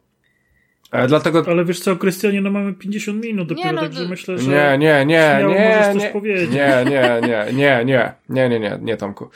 E, spokojnie. Wczoraj ostatnio były dwie persony i one wyszły ponad godzinę, więc e, tu jest no, trzy osoby to, przy troszkę, troszkę... Nie, nie, nie, nie, nie, no, ja, ja po prostu, ja wam nie wierzę, ja wam nie wierzę i zresztą to jest taka kontrowersyjna dosyć gra, szczególnie, że ty do końca nie jesteś przekonany, więc, e, a ja też w D&D dużo grałem, dużo grałem w tego typu e, gry w jedynkę i dwójkę przecież więc e, myślę, że jeżeli czasu starczy, a nie, nie wierzę w to, to powiem o swojej grze. E, dobra, więc słuchajcie, Baldur's Gate 3, więc wjeżdża z kopyta Baldur's Gate 3, no po prostu jest szał, ciał, dziewiątki, dziesiątki, po, każdy, każdy chce w to zagrać, każdy to kupuje, Steam po prostu oszalał. E, zaraz ma to wyjść na konsolę, jednak na Xboxa w tym roku wyjdzie bez koopa, e, na starych, na, na małych konsolkach, to fajnie. Więc słuchajcie, no Baldur's Gate 3. Eee, w sumie powinienem zacząć od Tomka, bo to Tomek, e, Tomek jest takim wielkim fanem, ale zacznę od Gabi, bo przecież Gabi, e, Słusznie. E, Gabi nie mówiła e, dużo na tym odcinku, więc Gabi, powiedz mi, jak tam Baldur's Gate 3? W ogóle powiedz mi, czy grałaś w poprzednie edycję, czy grałaś w ogóle w jakiś D&D, e, żebyś miała, czy masz jakieś odniesienie, czy po prostu e, ta trójka jest dla ciebie czymś nowym zupełnie? Więc tak, moja historia z D&D zaczyna się około parę, paru lat temu i ja niestety, proszę mnie, proszę mnie nie zaszlachtować, ale kiedyś e, autentycznie myślałam, że D&D jest drewniane i dopóki nie spotkałam ludzi, którzy pokazali mi, że, że to jest nieprawda, że to jest tak cudowne uniwersum, tak potężne, tak rozległe, że się po prostu zakochałam w D&D. Akurat czekam na książki, e, trylogię Dritsta, e, do mnie właśnie lecą. Dritz do Urden? No, okay. No, myślę, myślę, że zacznę tak samo jak z WoWa, bo no, kiedyś zaczytałam się w książkach WoWa e, i kolekcjonuję i tak samo zrobię pewnie z książkami, bo zawsze tak mam. Kupię jedną i kurde kolekcjonujemy resztę. Hmm. Ale co, co dalej z D&D-kami? Na początku trudno było mi się odnaleźć, bo tego jest naprawdę bardzo dużo. E, system walki, e, umiejętności, zaklęcia, czym jest advantage, disadvantage i te wszystkie takie rzeczy, które no dla osoby, która dopiero wchodzi, jest bardzo, no, przytłaczające. Chociaż muszę przyznać, że to nadal jest dla mnie czasem przytłaczające, e, czym doprowadzam czasem do czerwoności moich bardzo cierpliwych współkompanów w sesjach RPG. E, bardzo pozdrawiam Andrzeja, Karla, mhm. Krzysia i resztę. Um, ale tak, jeżeli chodzi o D&D-ki, to zmieniam zdanie. Kocham Dungeons and Dragons, zwłaszcza jeszcze po tym filmie, który wyszedł. E, Holga, tak. E, świetnie, tak, świetnie tak, mi to tak. wyszło. E, Honor Świetnie Złodziei, było. to, to powiem ci, że ja się bardzo bałam. Bałam się, że to będzie taka klapa, że mi zniszczy markę jak Wiedźmin od Netflixa, a było wręcz przeciwnie. Czułam się, jakbym zjadła dobry deser. No, no to było to. E, jedynie do, końcówka mi się nie podobała. W sensie była taka... Oklepana? No tak. No ja już w połowie filmu, aha, dobra, to już wiem co będzie. Znaczy, my się I... wydaje, że oni zrobili takie bezpieczne wyjście. Że to było tak, taki no, dobry tak. jednostrzał. No tak, no w sumie tak, ale, ale szkoda, że... Szkoda, że nie miało być tak, jak miało być, no. Tak, ale to była próbka rynkowa. Bo jeżeli oni by zrobili, powiedzmy, no to byłoby zbyt duże ryzyko, przynajmniej to tak subiektywnie odbieram, bo no. jak zobaczyłam, to na przykład zrobiono z marką Star Wars, co Disney zrobił. Mówię tutaj o tej trylogii, którą zrobili, bo na przykład Mandalorianina bardzo, bardzo lubię. E, I mam mhm. swoją ulubioną w końcu księżniczkę Disneya, czyli Bo Katan, prawda? No to. No, ale wracając, Baldur's Gate to jest mój pierwszy Baldur's Gate. Nie grałam we wcześniejsze, bo się mhm. po prostu odbiłam. Chciałam A podejść. A w, w inne tego typu rzeczy? Icewind Dale, Planescape um, Torment? Chciałam, e, zacząć, chciałam też liznąć Divinity, zaczęłam grać w Div Divine Divinity. Ale jedynkę czy dwójkę? Divine Divinity to jest boska boskość. To był jeszcze, jeszcze chyba wcześniej. Nie, tak, chyba nie. A, bo dwójka nazywała się tylko Divinity 2. Tak, Tomku? Tak, zgadza się. Dobra, wiem, jest- tak, tak, tak, tak, no. dobra, wiem. No, no, no.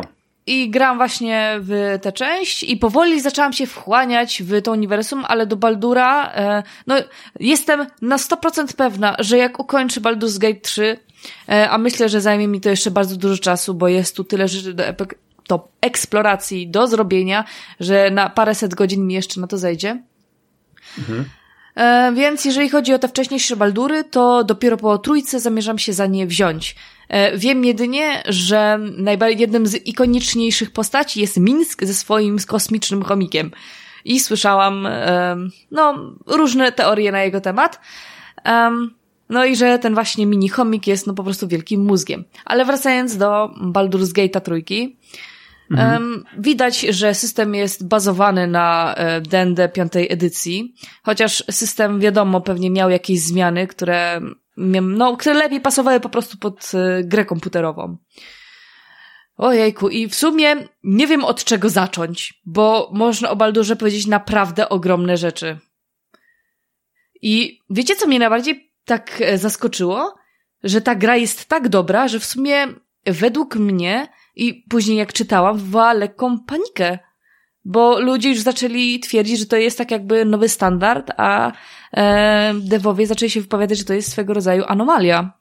E, bodajże na Twitcie powiedział tak właśnie mm, głowa studia Strange Scaffold, Xavier Nelson Jr., że Baldur's dwójk, Boże, trójka nie powinien być uważany za taki nowy standard, ani w ogóle punkt odniesienia do gier RPG, bo tak długi czas robienia gry i tak, takie czerpanie inspiracji, no bo w końcu to było w Early early access dobrze mówię, trzy lata. Mhm. No i te zasoby, jakie mieli e, z tych poprzednich części, no mieli po prostu content i materiał do zbudowania takiej gry. I są właśnie takie obawy, jeżeli jakieś inne studio miałoby zrobić coś takiego, to podjęcie takiego przedsięwzięcia po prostu by zabiło dane, dane studio, dane studia. A co ty, wy o tym w ogóle myślicie? Czy Baldur's Gate będzie nowym standardem, czy to jest anomalia? Nie wiem czego standardem. W sensie myśl, myślę, gier że. RPG. Do gier Ja RPG, wiem, ale no? myślę. Nie wiem, czy może. Nie wiem, czy będzie wychodziło ich tak dużo, czy po prostu nie zostanie to nisza, którą będą bardzo mocno jakby mieli zagospodarowaną dla siebie. Okej. Znaczy dla mnie ogólnie to, to, to jeszcze nie, nie, nie powiedziałem wi- wi- za dużo, ale dla mnie to nie jest w ogóle Baldur's Gate. To jest Divinity 3 e, albo, albo nawet się ściślej Divinity Original Sin 3. Nie grałam w E, Divinity Original ewentualnie- Sin. Jak coś. Ewentualnie mógłby mieć podtytuł Baldur's Gate Tribute, e, ale Bo- absolutnie. Właśnie Bo- dlaczego? Krystianie? Znaczy nie wiem, znaczy ty mi, no, ja w trójkę nie grałem, ale no... Nie, nie, bo mów, aha, bo nie, bo myślałem, że ty chcesz powiedzieć coś po swoim, bo. Znaczy nie, no bo och, ja, słuchaj, no Baldur's Gate, e, tak jak pamiętam, tak, aktywna pauza, e, planowanie ataków na zasadach D&D, e, skille, e, zmiana drużyny, e, no przede wszystkim ten świat, e, plus e, dodatkowe fajne relacje, e, wybór e, RPGowych dialogów, no to po prostu był Baldur's Gate, e, takiego Ale- jakiego pamiętam, wszystko to No i to miało się e, znajduje w głębie. Baldur's Ge- Gate E, no, więc, więc czym jest ten Divinity, że to jest bardziej już Divinity, a nie Baldur, więc co ten Divinity takiego odkrył No właśnie. Na, na nowo, że Baldur jest Divinity, a nie jest już Baldurem. To jest ciekawe. E, więc po, po, po pierwsze, No. e, Divinity, zwłaszcza Original Sin 2, e, wprowadziło, to znaczy przy, oni już to mieli w, w, w jedynce, ale w dwójce podnieśli do, do nowego poziomu, e, wprowadzili granie żywiołami.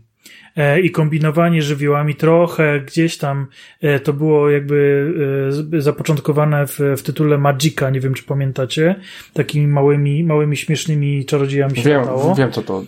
E, I tam, tam było bardzo ważne jakby połączenie tych żywiołów i gdzieś to zostało przeniesione na takie systemy troszkę bardziej e, dorosłe, nazwił, nazwałbym to e, RPG z, z, z, z tymi czarami, że gdzieś tam jest, e, najpierw wrzucamy butelkę z wodą, potem strzelamy w to piorunem i wszyscy się tam e, zostają porażeni. A to jest albo cudowne. coś gdzieś wybucha, coś gdzieś podpala, gdzieś tam wyrzucacie beczkę, beczkę oleju i, i przeciwnicy jeżdżą jak na wrotkach, się wywracają, przez to tracą tury i tak dalej, i tak dalej. I to tym jakby, tym tym aspektem jakby takiej fizyki żywiołów, mhm. oni bardzo mocno reklamowali właśnie Divinity Original Sin 2, oczywiście podbijając fakt, że jest ten e, koop i że tę całą grę można przejść w koopie, co też e, ja uczyniłem e, i potwierdzam, ale jakby te punkty znowu są najsilniejszym aspektem nowego Baldura. I ja śledziłem jakby, zawsze tak mam, że jak gram w jakąś grę, to śledzę też, co inni ludzie piszą, mówią e, o tym tytule, kiedy ja gram. E, później mi to gdzieś tam zanika i przestaję to śledzić, ale, ale na, na etapie gry jestem ciekawy, jak inni do tego podchodzą. I głównym aspektem właśnie tych pierwszych dni po premierze było nie, nie fabuła, którym dla mnie Baldur stał, tak? Tą fabułą, tymi relacjami, których Christian powiedziałeś, że, że, że jakby ten aspekt taki mocno, mocno osadzony w, w fabule, w tekście e, górował, tylko było jak e, tam, nie wiem, składować ciała w magazynie, żeby ich najwięcej weszło, albo jak zbudować mega wielką wieżę z e, nie kartonów, Boże, tylko skrzynek, żeby się dostać tam do jakiegoś wysokiego punktu i gość tam miał ileś Chyba nawet wiem, o którym filmiku mówisz. Wskak, wskak, wskakiwał na, na kolejne te skrzynki, gdzieś tam się dostał i nawet ten filmik był rozpromowany przez e, Larian. Ale studio, słuchaj, które, tutaj chodzi o e, tak jakby wykorzystanie environmentu.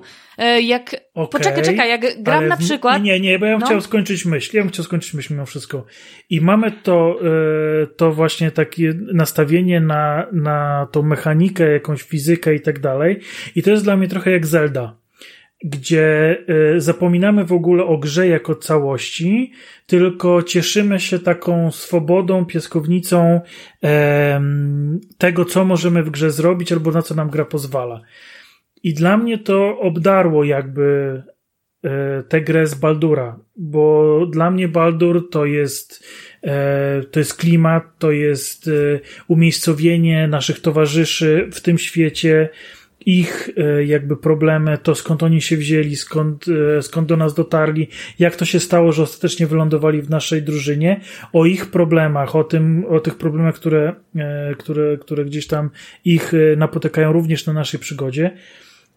To jest to, o czym powinniśmy rozmawiać. Natomiast rozmawiamy właśnie o tym, ile beczek się zmieści. A to niekoniecznie, bo to jest tylko składowa. Na drugą ułożyć. To jest tylko składowa, Ale o tym Tomek. było najgłośniej. To jest właśnie to, czym się ludzie zachwycają. Nie zachwy zachwycają się właśnie e, tym, tym, tym, tą swobodą, która tak naprawdę, no dla mnie znowu to jest taki Minecraft, nie? Że, zobaczcie, ile możemy zrobić.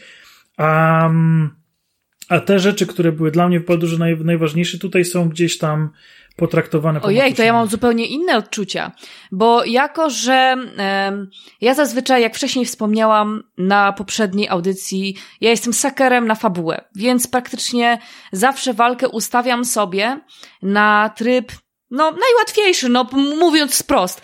A tutaj, tak jakby ja chcę, ja chcę sprawdzać, jakie e, formacje będą działy. Chcę zobaczyć, jak mogę wykorzystać środowisko. Ja o tych filmikach, o których mówisz, ja praktycznie tego nie sprawdzałam, bo wolę sama sobie to po prostu odkryć. E, na przykład e, trik z beczkami odkryłam przy multiplayerze, jak wysadziliśmy po prostu ogrów w grze, co było strasznie śmieszne, ale pomijam. E, jeżeli chodzi o Baldura trójkę, to dzięki temu, że jak jest pokazane wizualnie, jak działają mechaniki w grze, ja odczuwam, że będę lepiej grać w sesje papierowe. Widzę, jak działają fizycznie, no fizycznie, cyfrowo, widzę po prostu efekty różnych zaklęć, bo mechanika to nie tylko beczki, to to jest strategia, to jest sposób myślenia. Pamiętam, jak y, musiałam, bo ja w ogóle jestem safe scamem, bardzo przepraszam, y, proszę, proszę mnie nie, nie zasztyletować. I jak dostawałam w tyłek cały czas podczas gry. Tak myślę, kurde, co jest? Układam tu, tu, tu. I tak, trzeba brać pod uwagę, czy aspekt, czy e, powiedzmy użyjesz odpowiedniego zaklęcia, które ułatwi ci e, uderzenie dane. Na przykład jest takie zaklęcie e, jak Guiding Bolt, które jak wykorzystasz, daje ci ułatwienie powiedzmy do strzału z łuku, że masz advantage.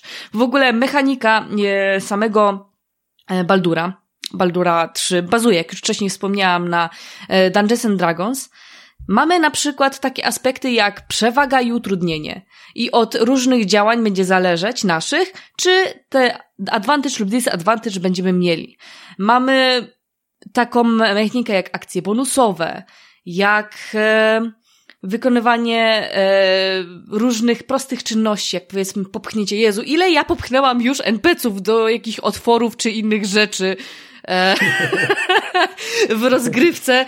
E, chociaż jak zorientowałam się, że wychnęłam bossa, to tak myślę, kurczę, spędziłam właśnie godzinę na ubijanie tego wszystkiego. To była bodajże min, no, jedna z postaci. Nie, nie będę tutaj spoilować, nie będę mówić nazw. I popchnęłam tę postać i sobie myślę, mój goblin, który mówi, Kabi, wczytaj! Zlutuj ją! Mój leniwiec, zostaw to i z fabułą. I wiecie, co zrobiłam? Posłuchałam goblina. I znowu wczytałam, i znowu spędziłam półtorej godziny, ale już mądrzej. Rozstawienie postaci, eksplorowanie możliwości i wybiłam wszystko. I miałam tę satysfakcję z fajnie przeprowadzonej walki.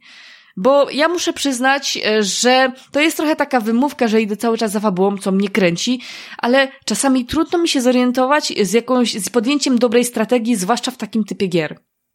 A tutaj mam pierwszy raz Chyba pierwszy raz w życiu mam ogromną satysfakcję przy rozgryw w rozgrywce kilkoma. To był mój kod i właśnie zrzucił jakąś rzecz. Bardzo przepraszam za ten odgłos.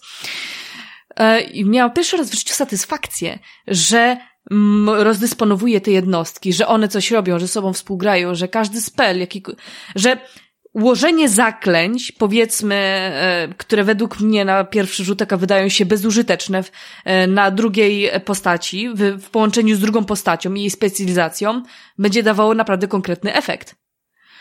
Trzeba pamiętać, jakie, bo w ogóle jest też coś takiego, jak grasz w Baldura i grasz postacią, która rzuca zaklęcia, że niektóre zaklęcia mają coś takiego jak koncentracja. I trzeba na to bardzo uważać. Ja się na tym bardzo często łapię, bo o, rzucę zaklęcie i nagle, dlaczego mi tam to przestało działać? O co chodzi? I nagle, aha, koncentracja. I to też jest zmora mojej ekipy w, e, w D&D, bo Gabi, pamiętaj o tym. No i teraz już będę pamiętać, no bo jak mnie zabiły moby, no to mam nauczkę, prawda? I mam mega frajdę, bo sobie sprawdzam te wszystkie kombinacje. Czuję się jakbym układała taką baldurową kostkę Rubika. Mamy właśnie te zaklęcia, widzę jak działają. E, I co jest najfajniejsze w ogóle? E, zazwyczaj jak wybierasz e, na początku masz ten ekran wyboru postaci. Masz siedem takich e, już zrobionych postaci, które możesz wybrać, którymi grasz, które mają taką określoną ścieżkę fabularną, którą idziesz, ich prywatną, ale możesz sobie zrobić origin charakter, tak? No i w tym origin charakter możesz wybrać sobie dowolną rasę, wybrać sobie jako kim będzie no, specjalizację. No, jak, czy będzie druidem, czy będzie bardem. Och, bard, bard for life. Uwielbiam barda. Można, jak od razu nie, pewnie poznaliście, to jestem bard, bard all the way. Um, no i co jest fajne, że rasa tak jakby nie, jak już wybierzesz te wszystkie rzeczy, tak? Um, I powiedzmy, że podczas rozgrywki poczujesz sobie, że jednak, kurde, nie chcę grać tą klasą, ale Mam tutaj już te dodatki z danej rasy. Okazuje się, że masz takiego NPC'a. Moment. Gabi została zaatakowana przez kota. Okay. Wiesz co, po prostu drapał mi futerał od gitary. Mi się, mi się przypomniał ten mem, y, który ostatnio Tomek wysłał na temat Stardew Valley i myślałem, że właśnie coś takiego się stało z tym psem z poduszką. ale, ale wracając, mamy w, właśnie w Baldurze, odblokowujemy we wczesnym etapie gry postać, która umożliwia nam zmianę klasy. I w tym wypadku nie ogranicza nas dana rasa, ponieważ tak jakby ability um, score, no, te ability numerki, e, są tak jakby elastyczne, bo korzystają z takiego fajnego e, podręcznika, no, modyfikacji, czy jak to ująć, Tasha's, mm, Tasha's Cauldron over Everything, która umożliwia właśnie takie e, swapowanie ability score. Nie wiem, jak to inaczej ująć. Że możesz sobie dopasowywać tak ability score, jak ci pasuje pod daną klasę. Więc rasa, no, ma te swoje perki rasowe, to tego raczej się nie zmienia, ale masz tutaj większą dowolność. I ja, jako osoba, która, no ja spędzam dużo czasu w kreatorze postaci, bo zawsze mam ten hipsterski vibe, e, czy jak, czy mogę to tak określić, że o, moja postać musi być taka wyjątkowa i w ogóle. Na, na przykład, e, jak już wcześniej wspominałam, w pewnej sesji w Pathfinderze drugiej edycji gram goblinem, który jest detektywem. Jest, e, no, każdy, e, że tak powiem, no widzi, że goblin, to traktuje go jak, no, jakiegoś, e, no, jak, jak traktujesz gobliny w Baldurze, a tutaj, a, co innego. Więc właśnie, kreator postaci to też swoją drogą, ale o co mi chodzi, jest fajna właśnie rzecz, że możesz sobie zmieniać te klasy i możesz bezpiecznie grać. Nawet jeżeli nie wiem, nie spodoba ci się dana klasa, bo na przykład mi na początku nie siadł Sorcerer, ale tylko dlatego, że nie znajdowałam, e, nie za dobrze wczułam się w tę klasę, nie umiałam nią grać, więc zmieniłam ją na tą, która mi bardziej pasowała. I na przykład nie ma czegoś takiego, że jesteś powiedzmy 40 godzin ma ze sobą na kurde, no nie chcę grać tym powiedzmy łotrzykiem, no ale co mam zrobić? No i możesz po prostu zmienić klasę. Nie ograniczę cię, to i to kosztuje 100 sztuk złota. I to jest naprawdę mało, bo nie będzie brakować ci hajsu w Baldurze Trójce. To, to jest gwarant. Więc... Okay, e, e, no? E, e, nie, chciałbym troszeczkę Rafała wrzucić do rozmowy, bo Rafał nam zamilka. Wyobraźcie sobie, że Rafał też gra, więc e, Rafale, Zapraszam jak tam twoje... E, jak tam twoje, Rafał, pierwsze wrażenia w ogóle z czymś takim, bo chyba ty jesteś kompletnie zielony, jeżeli chodzi o świat D&D, tak, Dungeon and Dragons. Tak, chyba, jeżeli, jeżeli Gabi powiedziała, że, że Baldur jest jej pierwszym Baldurem, to dla mnie Baldur jest pierwszym w ogóle jakby grą tego typu, nie? A, z, całej, z całej kategorii komplikacji, rozgrywki i, i takiego zaawansowania. E, co stanowiło pewne wyzwanie. Mm, tym bardziej muszę powiedzieć... Instalacja że... gry chyba najbardziej. Wiesz co? Nie, instalacja, instalacja nie była problemem. Problemem było to, że w instalacji nie... A, język polski.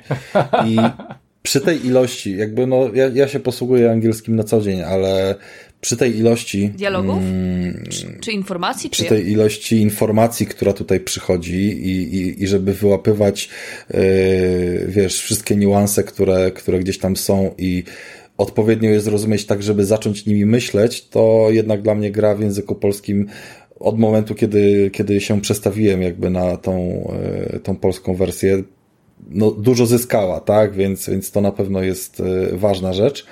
Mm, natomiast nie mogę powiedzieć, żebym się czuł jakoś miło przywitany czy zaopiekowany jako hej, zobacz, mamy coś takiego, co może będziesz chciał dołączyć, bo zasadniczo wiesz, Baldur's Gate jest yy, grą sprzed 20 lat, dwójka, więc może twój tata ci o tym opowiadał, a ty już dzisiaj sam jesteś tatą, więc może chcesz spróbować, jakby rozumiesz, nie?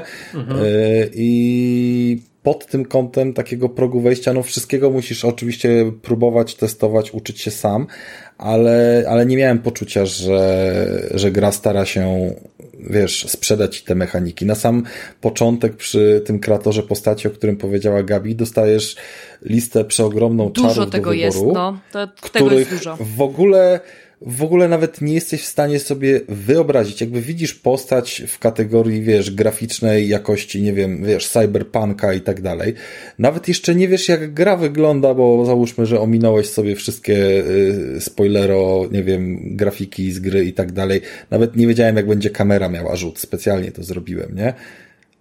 I, i, I wiesz, i czytam o tych czarach, nie? No, do, no dobra, ten brzmi fajnie, bo on się może przydać do tego, ten brzmi fajnie, bo się może przydać do tego, ale to powinno moim zdaniem być nie zrobione w eksplo, jakby w, wiesz, w tworzeniu postaci, tylko w jakimś e, swego rodzaju samouczku, który cię przeprowadza przez standardową, nie wiem, e, wiesz, stajesz gołodupcem i podchodzisz i o, zobacz, ty, tym, tym jesteś w stanie zrobić to, tym jesteś w stanie zrobić to, który wybiera wybierasz, nie? Jakby w ten sposób mógłbyś sobie stworzyć tą postać pod fakt i jakby poznać jakby te podstawowe mechaniki, a, a tutaj jakby ich Na poznanie to jest kwestia... Wodę, na, no, zdecydowanie na twardo głęboką wodę i to taką jeszcze, gdzie pod nią jest y, pół metra mułu i, i, Wiesz i co? dno.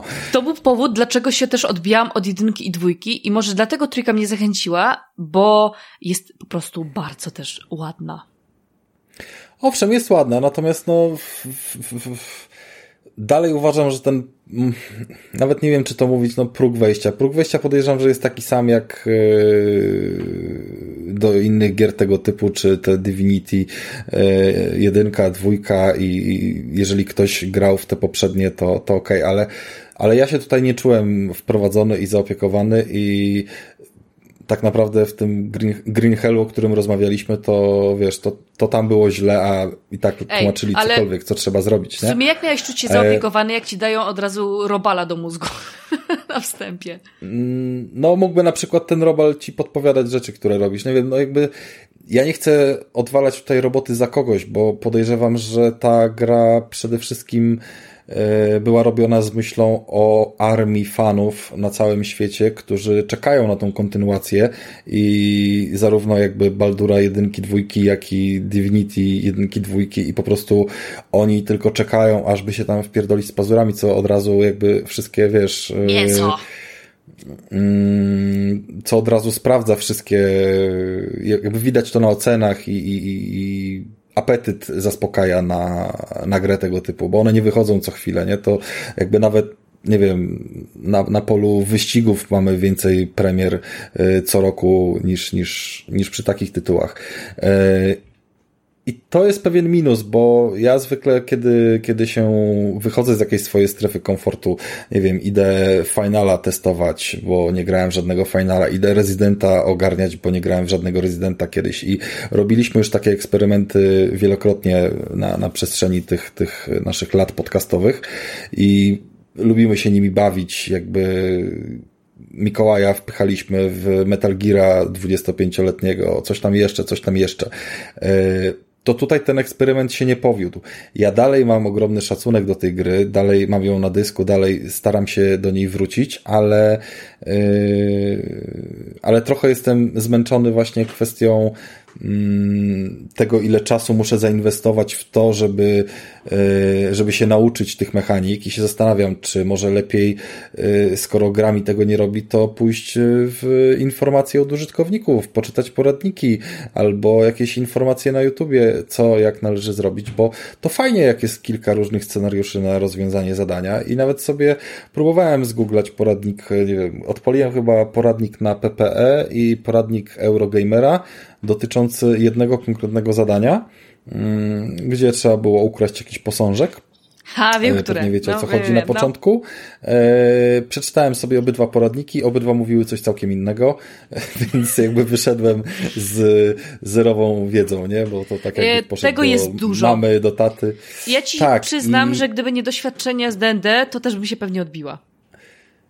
I okej, okay, losowość, jakby te, wiecie, dorzucanie, to z tym jakoś nie miałem dużego problemu. Owszem, tam tu jakieś y, skrywanie, przewaga, ale y, jakby ta kwestia, tym bardziej, że ta gra przechodzi dosyć płynnie z turowości w, w tą płynną rozgrywkę. A przecież możesz sobie e... zmieniać, możesz nawet zmienić sobie na tryb turowy, tak, jak chcesz sobie normalnie. Tak, tak, tak. No.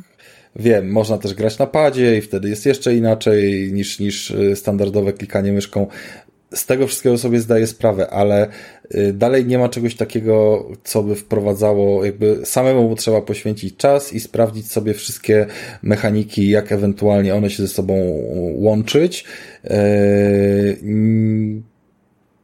I można wtedy bardzo łatwo przegapić pewne rzeczy, no bo a to nam zabraknie e, many do przetestowania wszystkich czarów, a zrobimy to w tym miejscu, więc nie wychwycimy jakiejś tam opcji, a to Jezu, nie no. mamy tej postaci albo innej i jakby jest bardzo dużo możliwości do przykładu. Ja się czułem kompletnie niewydukowany i... Dużo tego, przebodźcowanie pewnie takie troszeczkę. Nie, przebodźcowanie nie, no jakby cały czas, wiesz, parłem naprzód, coś tam leciały, jeden, drugi quest, tutaj walka, wiesz, wychwytywanie tych rzeczy, że można fajnie, że można zrzucać kogoś, że można tam o, przekazywać. Właśnie, przypomniało mi się okay. pewne zdarzenie, to opowiem jak, jak skończysz. Mm, możesz opowiedzieć, natomiast czułem czułem niechęć podchodząc do jakiejś walki kilka razy, e, wiedząc, że no okej, okay, mam ekipę czteroosobową, mam wszystkich e, jakoś tam już, nie wiem, na trzecim, czwartym levelu. Misja jest na początku, jest w pierwszym akcie.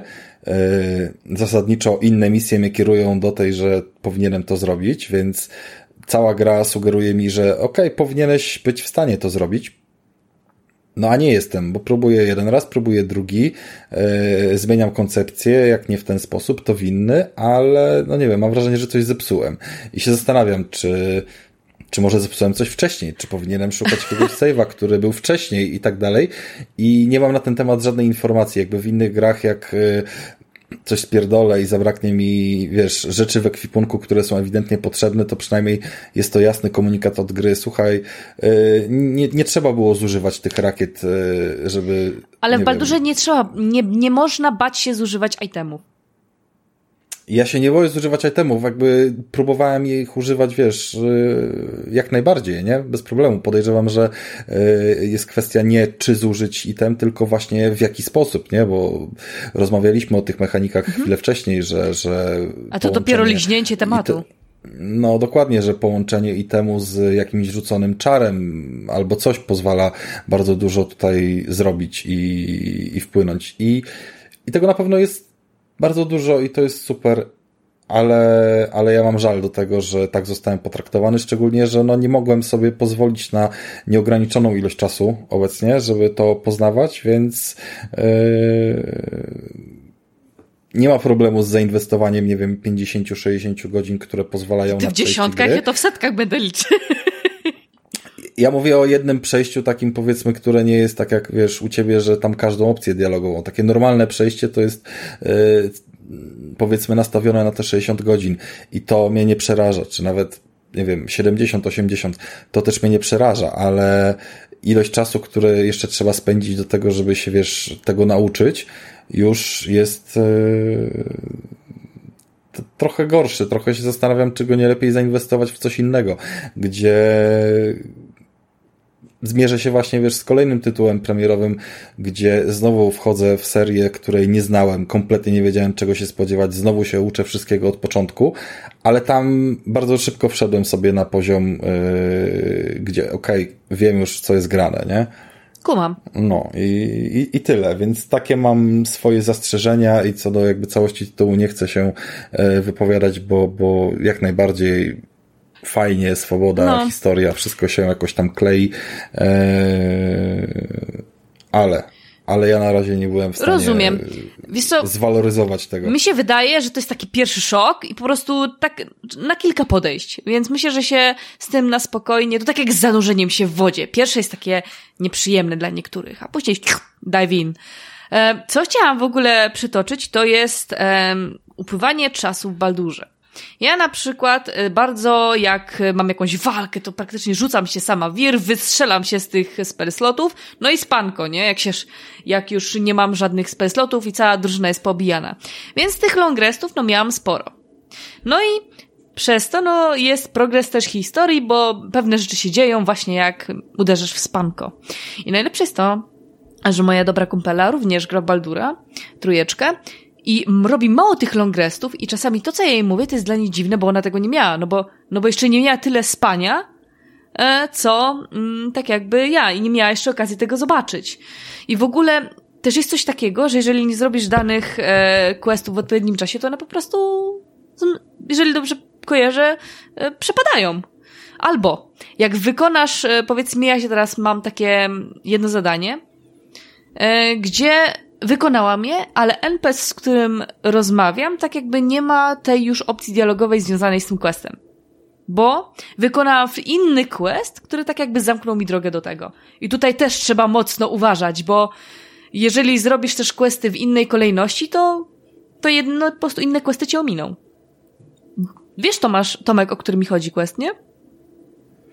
Wiesz co, ciężko mi powiedzieć, bo y, dużo rzeczy ja y, zrobiłem w ten sposób, czyli zabrałem się za coś innego i potem nie mogłem zrobić tego, co chciałem, więc jakby mm, po, po, tym opisie nie jestem w stanie powiedzieć.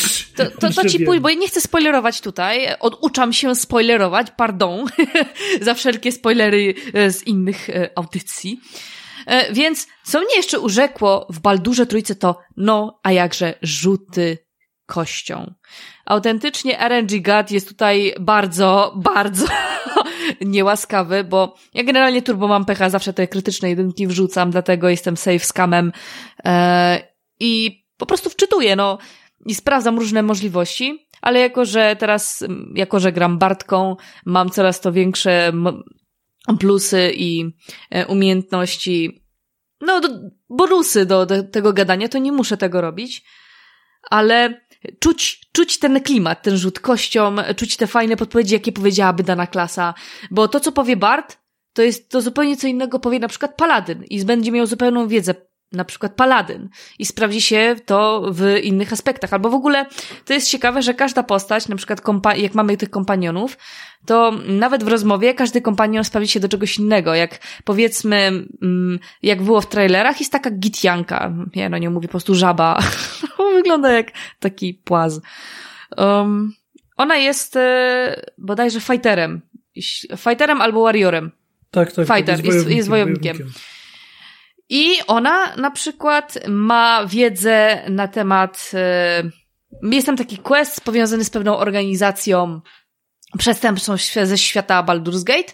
No i ona na przykład posiada yy, wiedzę na temat niektórych takich aspektów, a moja główna postać tej wiedzy nie miała. To, to tylko jeden z takich e, przykładów. Więc fajnie jest też rozmawiać różnymi postaciami, różnymi kompanionami, którymi grasz.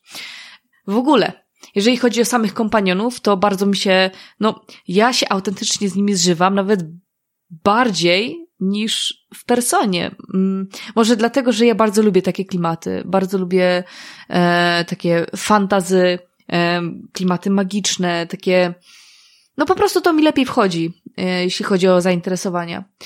No i uwielbiam, jak każdy charakter jest tak um, nie, jakby to powiedzieć, tak pasuje do danej klasy i do danej postaci, że nawet jeżeli oni czasem uderzy, uderzają w taki, mm, jak się taki klasyczny podział, no nie wiem, że ta nasza pani wojownik jest taka harda, nie, taka ostra, taka, no, surowa, zdyscyplinowana. E, mamy Łotrzyka, który jest taki elokwentny, który jest taki bardzo mm, arystokratyczny ale jest też czasami złośliwy i, i to totalnie pasuje. Albo mamy druida, który żyje w zgodzie z naturą, e, no i no każda z tych postaci pasuje do swojego charakteru, do swojej klasy. No i. No właśnie, ja tutaj jestem zawiedziony, jeżeli chodzi o e, towarzyszy. Tak, tylko czekaj, bo... chciałam opowiedzieć, dokończyć jedną historię, bo to jest śmieszne. Okay. W moim głównym story romansuję inny, no, jedną z postaci, a w multi bo gram również z moimi dobrymi ziomeczkami od DND-ków, gramy multiplayera i również tak jakby no, odgrywamy taką fałszywą sesję. Robimy normalnie scenariusz, ale odgrywamy własne postaci. Czyli mówimy, siedzimy na Discordzie i mówię, a, słuchaj, powiedzmy, e, tam imię drugiej postaci, nie podoba mi się, e, zróbmy to i to i to, albo e, mamy e, party Łotrzyka, mamy mnie Bartkę, bo oczywiście kim innym mogę zagrać, e, mamy powiedzmy barbarzyńcę, Nieistotne. I na przykład moja postać tam e, gram orczycą. e, no i e, jako, że nie łazimy z kompanionami, to nie mamy jak wytworzyć sobie z nimi więzi, bo chodzimy no logicznie ze sobą. Więc podchodzę do Astariona, tam pozwoliłam mu.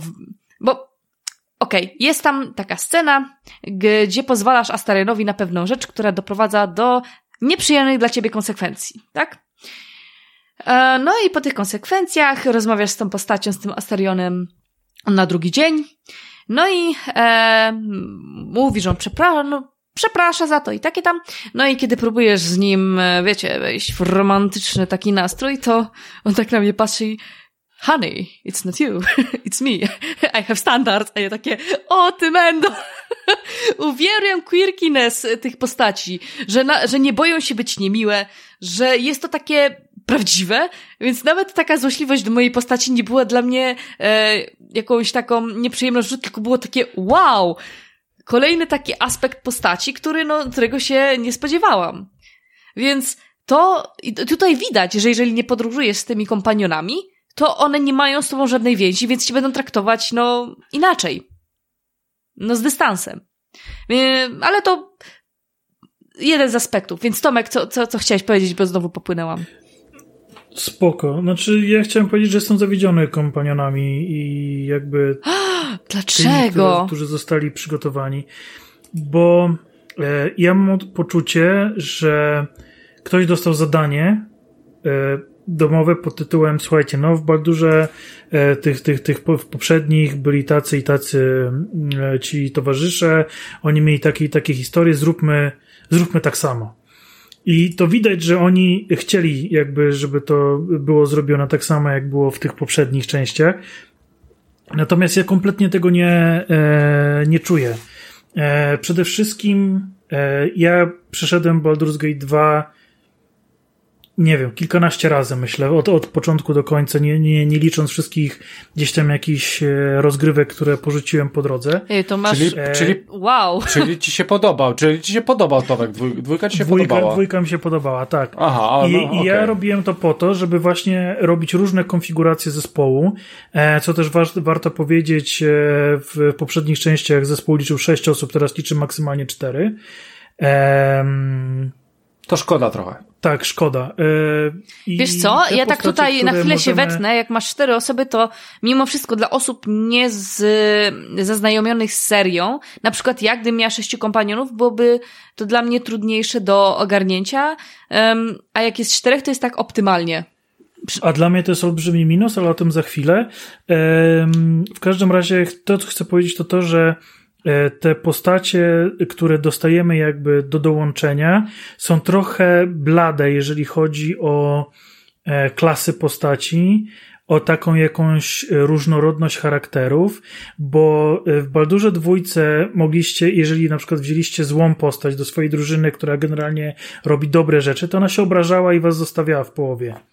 I w ogóle nic wam było do tego. Albo e, postacie w waszej drużynie zakochiwały się w sobie, i w momencie, jak któraś wam nie pasowała, to druga mówiła, wiecie co, ale ja go kocham, ja go nie zostawię i, i opuszczała waszą drużynę. A, Albo rozumiem. w ogóle dołączyliście do drużyny dwie to, osoby, tak, tak było, które tak były było. ze sobą połączone. To było I tu spoko. mi tego, to tu jest mi tego fajny brakuje. myk. Poza tym, Okej, okay, rozumiem poza już. tym te, te postacie są dla mnie nierówno napisane. Są postacie, które mają bardzo rozbudowane wątki, bardzo ważne. Właśnie jak e, wspomniana przez ciebie Gitianka. Mhm. A są postacie jak e, e, Mac, bo teraz zapomniałem jego, jego imienia. E, Gale. Gale, który ma potężny quest, który cały rozwiązają z poziomu e, obozu. Serio? Bo ja grałem sam magiem, więc nie, on mi był nie, nie po drodze, więc jakby cały jego quest rozwiązałem z poziomu rozmów z nim w obozie, więc dla mnie to było jakieś nieporozumienie. I, i jasne, z jednej strony się cieszę, nie muszę przychodzić Baldura 3 ileś razy, żeby poznać jakby wszystkie historie wszystkich postaci, co właśnie było wymagane w dwójce. Tak, e, to, że mogę właściwie poznać ich wszystkich, a, a przynajmniej zdecydowaną większość, bo tam nie liczę jednej pani, której fizycznie nie mogłem dołączyć, e, to poznałem ich wszystkich i zrobiłem ich wszystkie questy i właściwie to były takie trochę, no, no coś, co robiłem, co miałem w dzienniku do odhaczenia i, i, i tyle. E, poza tym, tak jak właśnie e, wspomniałem, te ich klasy postaci są dla mnie troszkę nijakie. Mamy dwóch druidów, bardzo późno możemy dołączyć łowcę, jest ten wojownik, berserkerka, e, mag, łotrzyk, ja byłem przyzwyczajony właśnie do tego, że, że korzystając właśnie z Dungeons and Dragons, korzystając właśnie z tych późniejszych edycji, gdzie dochodzą te podklasy, nie podklasy, że to wszystko jakoś A, tak się właśnie, bardziej można multiklasować w Baldurze Trójce. Rozbudowuje, e, że ten zestaw, który dostałem, tych postaci, które są jakby bardziej rozpisane, mają te swoje linie e, questowe, że to jest wszystko takie blade. E, I i jestem zawiedziony, bo, bo chciałbym właśnie też w tej ograniczonej drużynie czteroosobowej jednak dodać trochę takiego rumieńca. Natomiast jechałem klasyką, czyli mam wojownika e, odzianego w ciężką zbroję, mam maga, mam łotrzyka i mam kleryka. I to jest wszystko. Cztery osoby i koniec. Brakuje mi właśnie tych dwóch dodatkowych miejsc, żeby okej, okay, nawet skoro nie mam już tych postaci napisanych przez Larian, to móc sobie zwerbować, bo to też jest możliwe, e, ta sama postać, która resetuje wam skille, e, może wam też pomóc dodać do drużyny dowolną postać, którą możecie sobie stworzyć. E, więc teoretycznie możecie grać czterema stworzonymi przez siebie postaciami. I nie mieć jakby tych, tych wątków fabularnych, no ale jakby mieć, mieć tą różnorodność. I można to zrobić, no ale właśnie kosztem tej fabuły, gdzie tej fabuły już mi brakowało, więc jeszcze jakby dopinanie tego, żeby, żeby jakby to, ta rozgrywka była ciekawsza.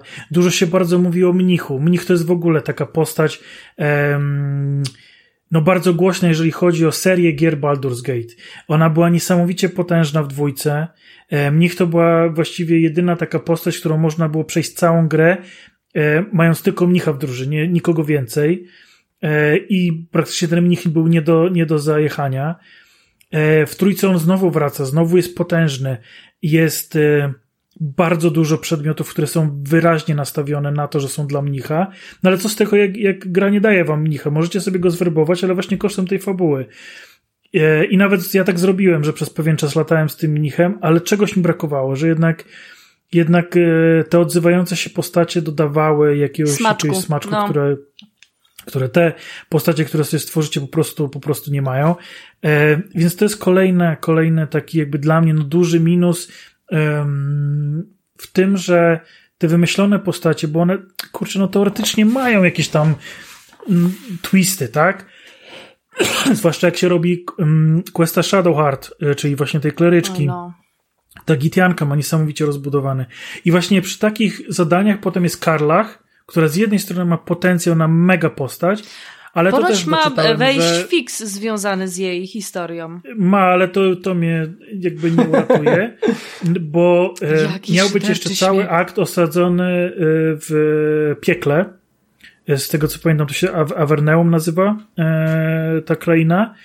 I tam ona miała dostać coś dla siebie. I teraz nie ma całej tej krainy. Ona jest, ma jakieś ochłapy gdzieś tam zdobywamy jakieś przedmioty, które posuwają ten quest do przodu. Ej, ale może to jest dobry materiał ja czuję, na DLC? Że ta postać, ja, ja czuję, że ta postać mogłaby być ciekawsza, ale nie jest. Jest, jest gdzieś takim właśnie uciętym. I ten Gale, który również, no, Gale jest postacią, która jest w stanie wam zrobić zakończenie w drugim akcie.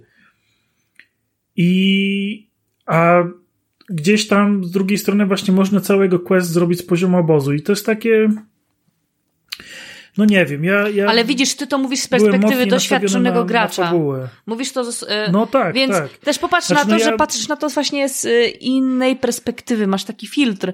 Bo ja na przykład o tym nie wiedziałam. Ja to przechodzę i jestem tak. E, tak w imersji e, w tej grze, że nawet nie spojrzałam na to w ten sposób. Nie, no rozumiem, dlatego też ja chciałem powiedzieć właśnie swoją perspektywę, bo. Bo jakby no jestem weteranem tych. No tych, tak, tych, ale to jest bardzo cenne, to jest, co mówisz. To jest dla mnie, dla mnie jedna z najważniejszych e, serii, serii obok Heroes of Might and Magic e, i Fallouta, e, jakie w ogóle kiedykolwiek grałem. Mm, I dla mnie to było w ogóle święto. Moment, moment w którym dostałem dwójkę właśnie Baldura i olbrzymi, gruby podręcznik, który do dziś stoi na mojej półce. Mam go dosłownie na wyciągnięcie ręki. Ja jeździłem codziennie do szkoły z tym podręcznikiem i ryłem. Nie, nie, nie o, tak, że, że ktoś to mnie jest tego urocze. Zmuszał. Ja po prostu czytałem raz za razem te wszystkie czary, jakie one mają kostki, jakie kostki są rzucane w przypadku krytyka, wszystkie bronie, jak te bronie się zmieniają, jak są magiczne. A, a to powiedz mi jedną rzecz. Się zmieniają. Czy ty podczas rozgrywki często używałeś hit metal? Yy, nie. Bo to jest bardzo ciekawe zaklęcie i ja z tego korzystam normalnie w sesjach papierowych a tutaj jeszcze nie miałam dobrej okazji. Tak jakby nie sprawdza się dla mnie. Nie, nie, nie, nie, nie. E, ja ogólnie kocham magiczny pocisk, który dla mnie jest troszkę znerfiony. W stosunku, Magic Missile? W stosunku, tak, w stosunku do... Klasyka. no. bo yy, to był jeden z najpotężniejszych czarów, który ja używałem od początku do końca rozgrywki mm, w, w tych starych Baldurach, bo on rósł, tutaj też to, to jest akurat to też zobrazowane, że on rósł jakby wraz z poziomem postaci, ale on jest niesamowity przez to, że zadaje e, wiele tych obrażeń. E, I to jest coś, czego mi też brakuje. Nie wiem, czy to jest kwestia. Przyznam się szczerze, że nie, nie, nie wczytałem się tak w zasadę tego e, Dungeons Dragons 5, ale brakuje mi wyzwalacza zaklęć. Aha. To było, to było coś takiego, e, taka mechanika, e, która magom na wysokich Bo to w dwójce było, czy w... Po, tak, w dwójce. Pozwalało e, przygotować sobie zestaw czarów wyzwalanych w jednej chwili naraz.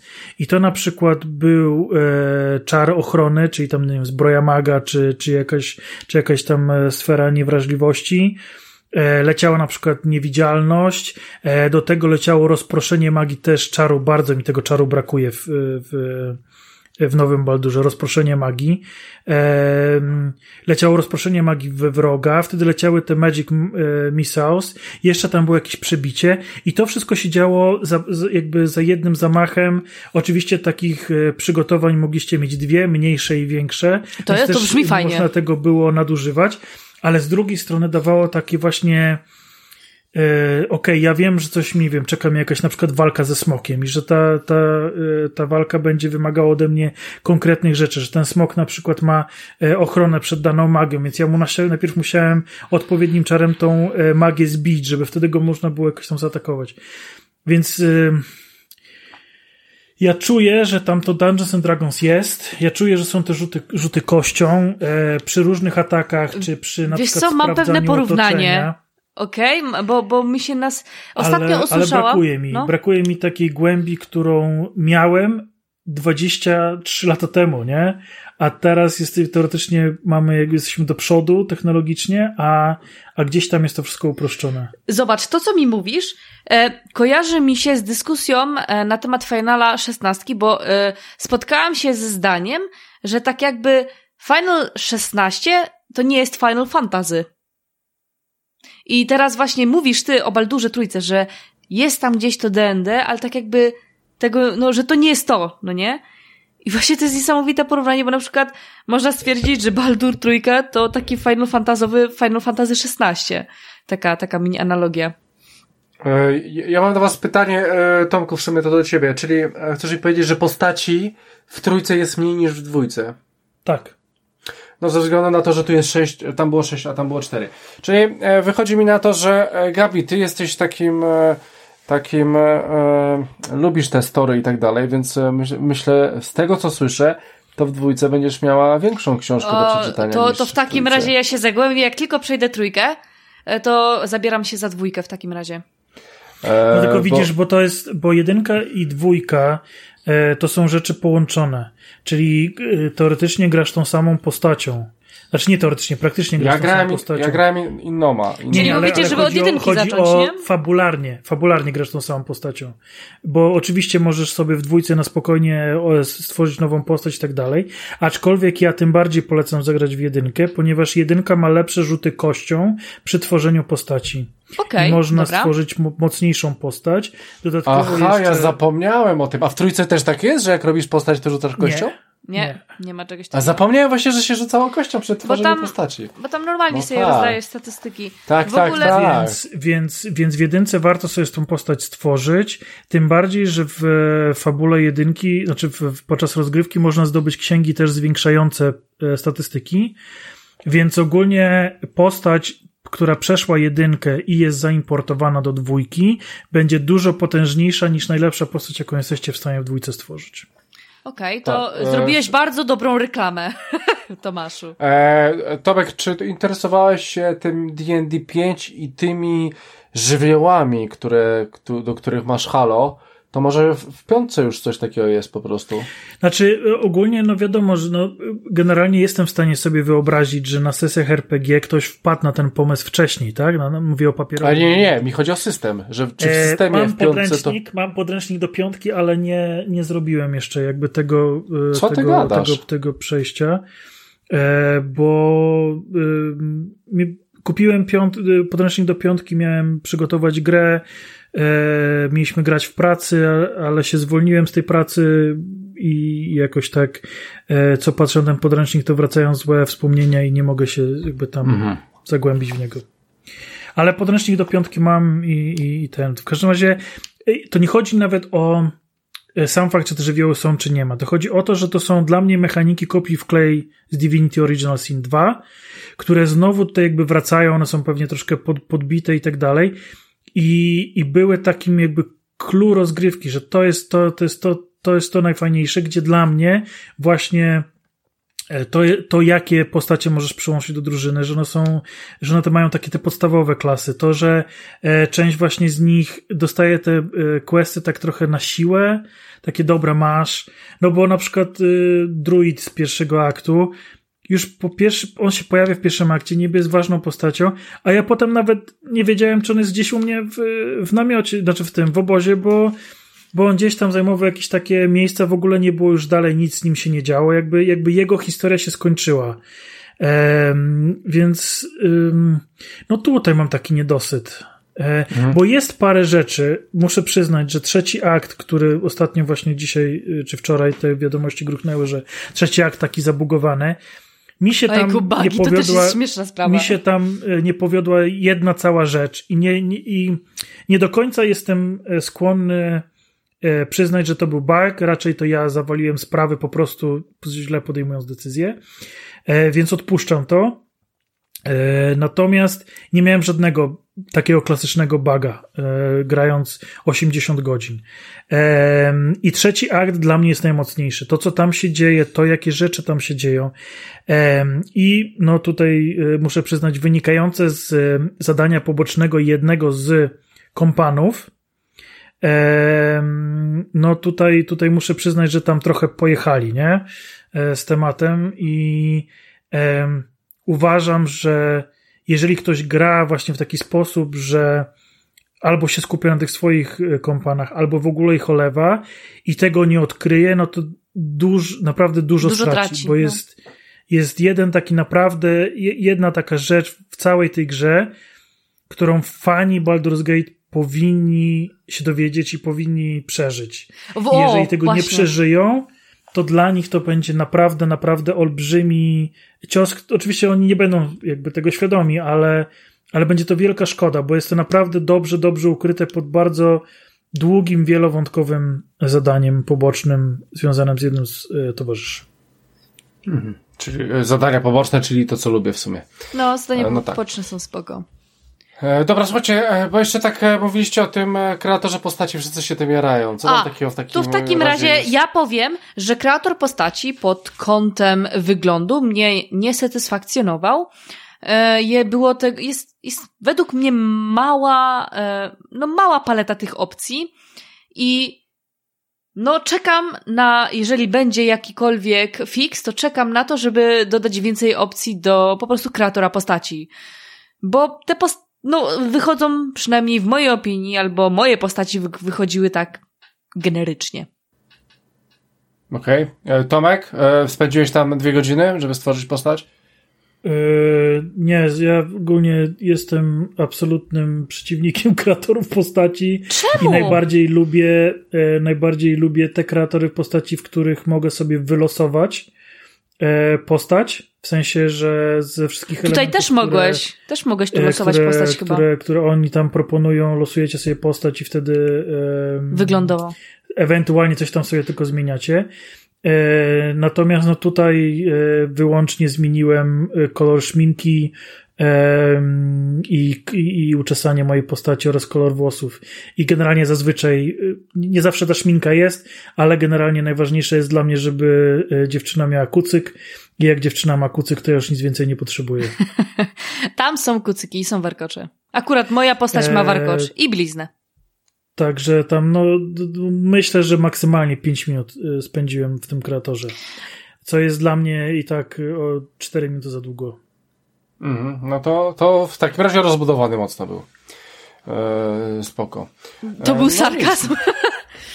No, jeżeli Tomek spędził tak długo. No, w tak, tym, w tym... no tak. No, no dobra, słuchajcie, a, a powiedzcie mi, jak z tą grafiką jest? Jak wam jest w ogóle działa? Bo ty, ty Tomek, chyba, Tomek, chyba ty grasz na laptopie jakimś, tak? E, ja grałem na laptopie, tak. E, Więc e, jak to ci działa? Działało, u mnie działało w Ultra. Żadnych spadek, klatek, niczego takiego nie zaobserwowałem. Mm, ani jak tam powiedzmy przy jakiejś dłuższej rozgrywce, że ten laptop się grzał, to również nic takiego nie miało miejsca.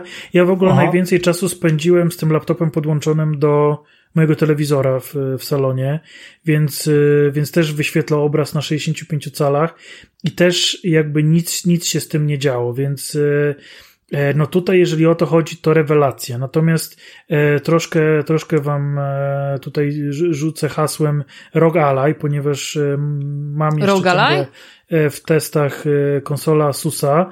No i bardzo chciałem zobaczyć, jak ten Baldur chodzi właśnie na niej. No i niestety Baldur nie spełnił e, oczekiwań. E, mimo obniżenia rozdzielczości do 720p, co jest ogóle nie pamiętam, kiedy ostatnio raz grałem w tej rozdzielczości. E, mimo ustawienia na sztywno klatek 30, e, no Baldur, e, fakt, że grałem już trzeci akt, kiedy, kiedy to testowałem, czyli to już jest samo miasto Baldur's Gate, no to on po prostu nie dusił się. To, to nie było żadnej przyjemności w tym. próbowałem, bo to ciężko nazwać rozgrywką, próbowałem pograć gdzieś pół godziny i stwierdziłem, że jestem too old for this shit i, i odinstalowałem.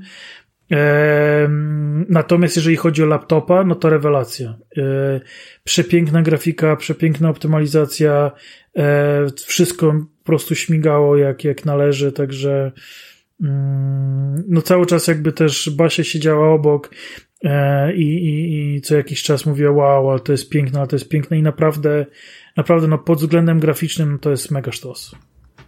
No to ciekawe, bo jak tak sobie przeglądam screeny, to tak no może być, no. Nie, nie podobają mi się te e, ikonki postaci. A, Czy ja wiem? Mi się wydaje, że fajnie pokazują charakter. A co mi się w ogóle podo podoba w kompanionach, to ich mimika twarzy. Jak z tobą rozmawiają, okazywanie emocji, to, to jest fajne. Okej, okay. no, e, spoko. Powiedzcie mi jeszcze jedną rzecz, e, czy są jakieś zagadki, bo coś czytam, że są zagadki. Są zagadki, no. I są na jakimś dobrym poziomie, e, czy są takie po prostu, e, żeby was zwolnić i w sumie mogło, mogłoby ich nie być? To, to zależy. E, jedną zagadkę da się w sumie ominąć przez znalezienie odpowiedniej dźwigni, jeżeli dobrze pamiętam. Tomek, wiesz, o którą mi chodzi zagadkę z pierwszego aktu? E, nie wiem, bo było ich naprawdę e, sporo, więc e, zagadkę, którą da się ominąć dźwignią, to jest hasło dla mnie zupełnie generyczne, jeżeli chodzi o tę produkcję, bo, bo jakby wiele tutaj zadań, czy zagadek, czy czegokolwiek w tym, w tym guście da się ominąć w jakiś inny sposób, jeżeli go tylko znajdziecie. E, czy na przykład rozmawiając ze zwierzętami, czy rozmawiając o, ze tak, małymi, wiewiórka. czy e, zamieniając się w e, obłok e, gazu i wchodząc gdzieś tam e, indziej, e, czy używając lotu. Więc, więc jakby tutaj tych, tych rzeczy jest naprawdę sporo i, i, i, i dźwigni ukrytych przy rzutach, jakieś na spostrzegawczość i tak dalej, i tak dalej, więc tego jest, jest tego jest mnóstwo. No. E, jeżeli chodzi o zagadki, to ja bym bardziej e, zwrócił uwagę na e, opisy dziennika, bo czasami po prostu dostajemy jakieś zadanie i jest bardzo enigmatycznie napisane, co musimy zrobić. I to od nas zależy, żeby faktycznie przeprowadzić śledztwo, dowiedzieć się kto, co, gdzie, jak, ale nawet czasami z tą wiedzą możemy mieć problem, żeby to zadanie rozwiązać, bo, bo, bo nie możemy na przykład czegoś znaleźć. Albo niefortunnie właśnie ten e, test na spostrzegawczość nam się nie udał i już, e, już będzie ciężko nam, nam, nam ruszyć dalej. E, więc, więc tutaj raczej, raczej w tę stronę są właśnie takie, takie mocne zadania poboczne, w sensie niezwiązane z naszymi bohaterami, niezwiązane z fabułą, które gdzieś tam rozwiązujemy, które faktycznie e, faktycznie trzeba się pogłowić. No tutaj nie chcę e, podawać przykładów, bo najświeższe mam z trzeciego aktu, więc, e, więc, więc gdzieś tam wydaje mi się, że, że mogłoby być to zbyt spoilerowate. Ale mówię, raczej, raczej działa to w tę stronę. E, słysza, e, słyszałem, że właśnie tu jest duży wpływ e, tych wszystkich wyborów na dalszą część fabuły. Tak, to jest właśnie... istotne. To, co robisz, ma, ma konsekwencje. I to nawet, i to tak grubą konsekwencję. Może kiedyś będzie mi to dane. Eee, sprawdzić właśnie, Gabi, jak już się tak odezwałaś, to mówiłaś, że coś grałaś? E, multiplayer w Baldur's Gate 3? E, tak, e, graliśmy w ja i trójka moich dobrych ziomków. E, właśnie, online, rozumiem, Online, tak? tak, tak. Online siedzimy na Discordzie i, i normalnie wcielamy się w swoje postaci, które wykreowaliśmy mhm. i po prostu odgrywamy taką fałszywą sesję RPG, no bo robimy normalnie fabułę, jaka jest w Baldurze, e, tylko zamiast kompanionów e, którzy są przygotowani przez Baldura, gramy po prostu ze sobą, a z kompanionami jedynie rozmawiamy w obozie. I to jest niesamowite, jak, jaki to jest też troszeczkę inny wymiar gry, bo normalnie jak gram um, online, to korzystamy z takiego, z, z takiej strony Foundry, gdzie można bardzo ładnie, no ma się taką mapę, e, można tak jakby interaktywnie również grać w właśnie sesję D&D. I mhm. jak gra się mm, w taki sposób w Baldura, to to jest zupełnie inny wymiar gry. Tak jakby, e, mimo że e, scenariusz jest odgórnie określony przez e, Larian Studio, bo to jest no, konkretna fabuła, to mimo wszystko nawiązujemy więzi jako postaci i również prezentujemy pewne, ha pewien charakter jako postaci. To jest bardzo ciekawe doświadczenie. No to może być ciekawe faktycznie. A czy jest to, to samo rozwiązanie, e, no czy pewnie nie wiesz, ale czy, że było poprzednie, ale czy jest to rozwiązanie, które pozwala e, jakby głosować na, na, na, tak, na pytania? Tak, Czyli, jak są odpowiedzi, na przykład jest dialog, jedna osoba rozmawia, ale ktoś może dać sugestię przy danej odpowiedzi, co by mu się bardziej podobało, żeby ktoś powiedział. Ale i tak no, okay. finalnie podejmuje e, decyzję osoba ta, która jest obecnie w dialogu. No okej. Okay. Mhm. Bo ty, mia ty miałeś tam w Divinity to, tak? Divinity, tak, tak, tak, tak, w Original Sin 2 i tam była, i tam e, jakby, znaczy no ja grałem e, te, w tę część akurat e, na kanapie, e, nie, nie, nie przez internet i tam było tak, że jakby te obie osoby biorą udział w dialogu i obie osoby wybierają odpowiedź i jakby, no jeżeli wybiorą to samo, to to samo, a jak nie, to jest losowanie, która no tak, tak, odpowiedź tak, tak. przechodzi, nie? Mhm. Mhm. E, a to, powie... było, to było fajne. E, powiedz mi jeszcze, Tomku, bo ty wie, przeszedłeś całe. Powiedz mi, ile ci to zajęło? Znaczy tak, e, save pokazuje 65 godzin, natomiast launcher pokazuje, że 85 godzin, czyli no ja zakładam, że ta różnica wynika z loadów, czyli save jakby traktuje konkretny przebieg rozgrywki, jakby ciągły, a launcher pokazuje jakby ten stan e, ze wszystkimi save'ami, które, które loadowałem, wczytywałem i tak dalej. A to e, nie działa tutaj? E, quick save, quick load w, działa. przez działa, sekundę? Działa, działa. E, I ile zrobiłeś save'ów, Tomku? dobre pytanie. Dobre, dobre pytanie. Spam F5. Nie chcę skłamać, ale powiedziałbym, że gdzieś między 250 a 300. To nie tak dużo. To ja, u mnie jest 600. Ładnie. Wydaje mi się, że to, że, że, że właśnie to była już yy, numeracja przy dwusetce e, i raczej bym tak właśnie obstawiał, że gdzieś tam w tych yy, końcowych numerach dwusetki. Mhm. E, dobrze, Gabik ja chciałem jest... tylko się wtrącić i powiedzieć, że w najdziwniejszy możliwy sposób zostały umieszczone w menu przyciski od yy...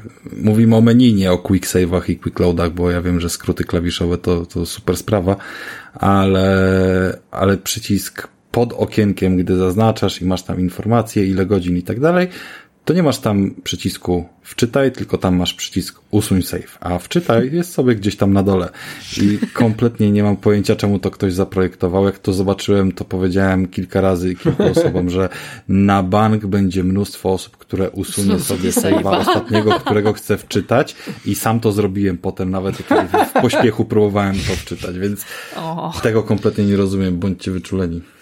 Więc. E, dobra. No. E, bo chciałem jeszcze się ciebie, Gabi, spytać o jedną rzecz. Czy w takim razie w tym twoim e, wielkim superlatywie do tego tytułu, czy jest coś, co ci się nie podoba w tym tytule? Tak. E, nie podobają mi się. Mój komputer czasami się mocno poci, jak gram w Baldura trójkę, jest ścinanko i bugi. Czasami na przykład w liniach dialogowych pokazuje mi się, jak już kończę rozmowę, pokazuje mi się powiedzmy sama jedynka bez opcji dialogowych i muszę wczytać save. Albo na przykład e, chcę wylowelować postać, e, widzę ją w tym ekranie, gdzie e, się znajduje przy levelowaniu, ale nie widzę żadnych opcji do levelowania.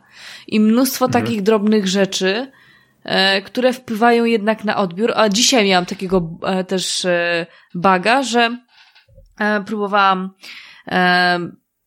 sprawdzić jedną rzecz, wyskoczył mi komunikat i tak jakby się nałożył z drugim. I musiałam pięć razy wczytywać grę, żeby to ruszyć. Mhm, mhm. Więc, Wiem o co chodzi. Więc takie techniczne, małe, diabeł tkwi w szczegółach. Takie małe, techniczne e, wredotki, które tak jak drzazga wpływają ci na e, odbiór, bo, nie, bo to jest wszystko fajnie, ale masz te drzazgę, jest takie no kurde.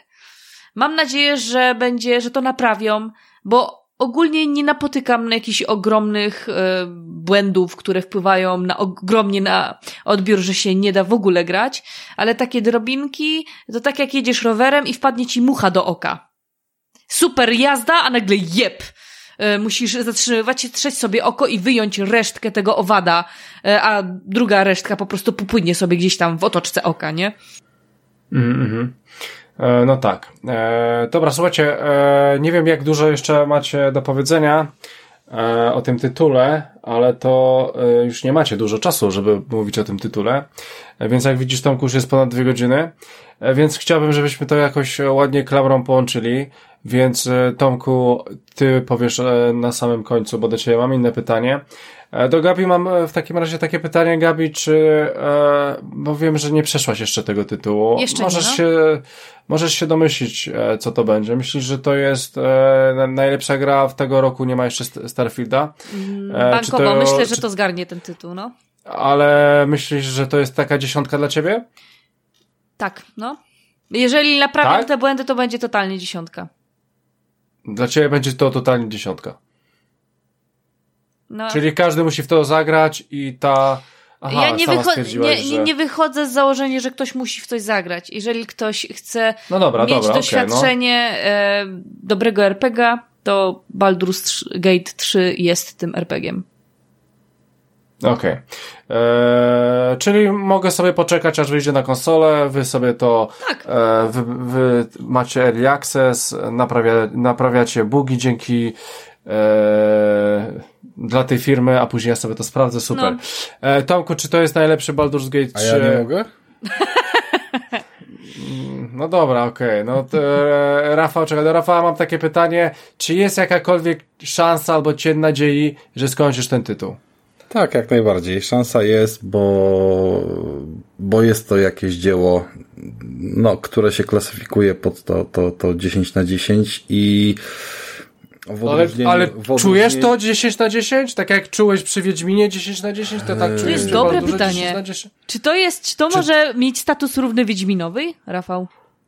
Nie, uważam, że to nie będzie miało statusu Wiedźminowego. Znaczy dla Rafała. Nigdy. Dla Rafała. Nie, nie, globalnie nie będzie miało, dlatego że globalnie nie przejdzie do takiego yy... mainstreamu. mainstreamu? Mainstreamu. Przede wszystkim nie przejdzie do mainstreamu, przede wszystkim nie będzie, wiesz, milionu memów z Geraltem. Ej, uwielbiam memy z Baldura. Uwielbiam memy z Baldura, to to jest złoto.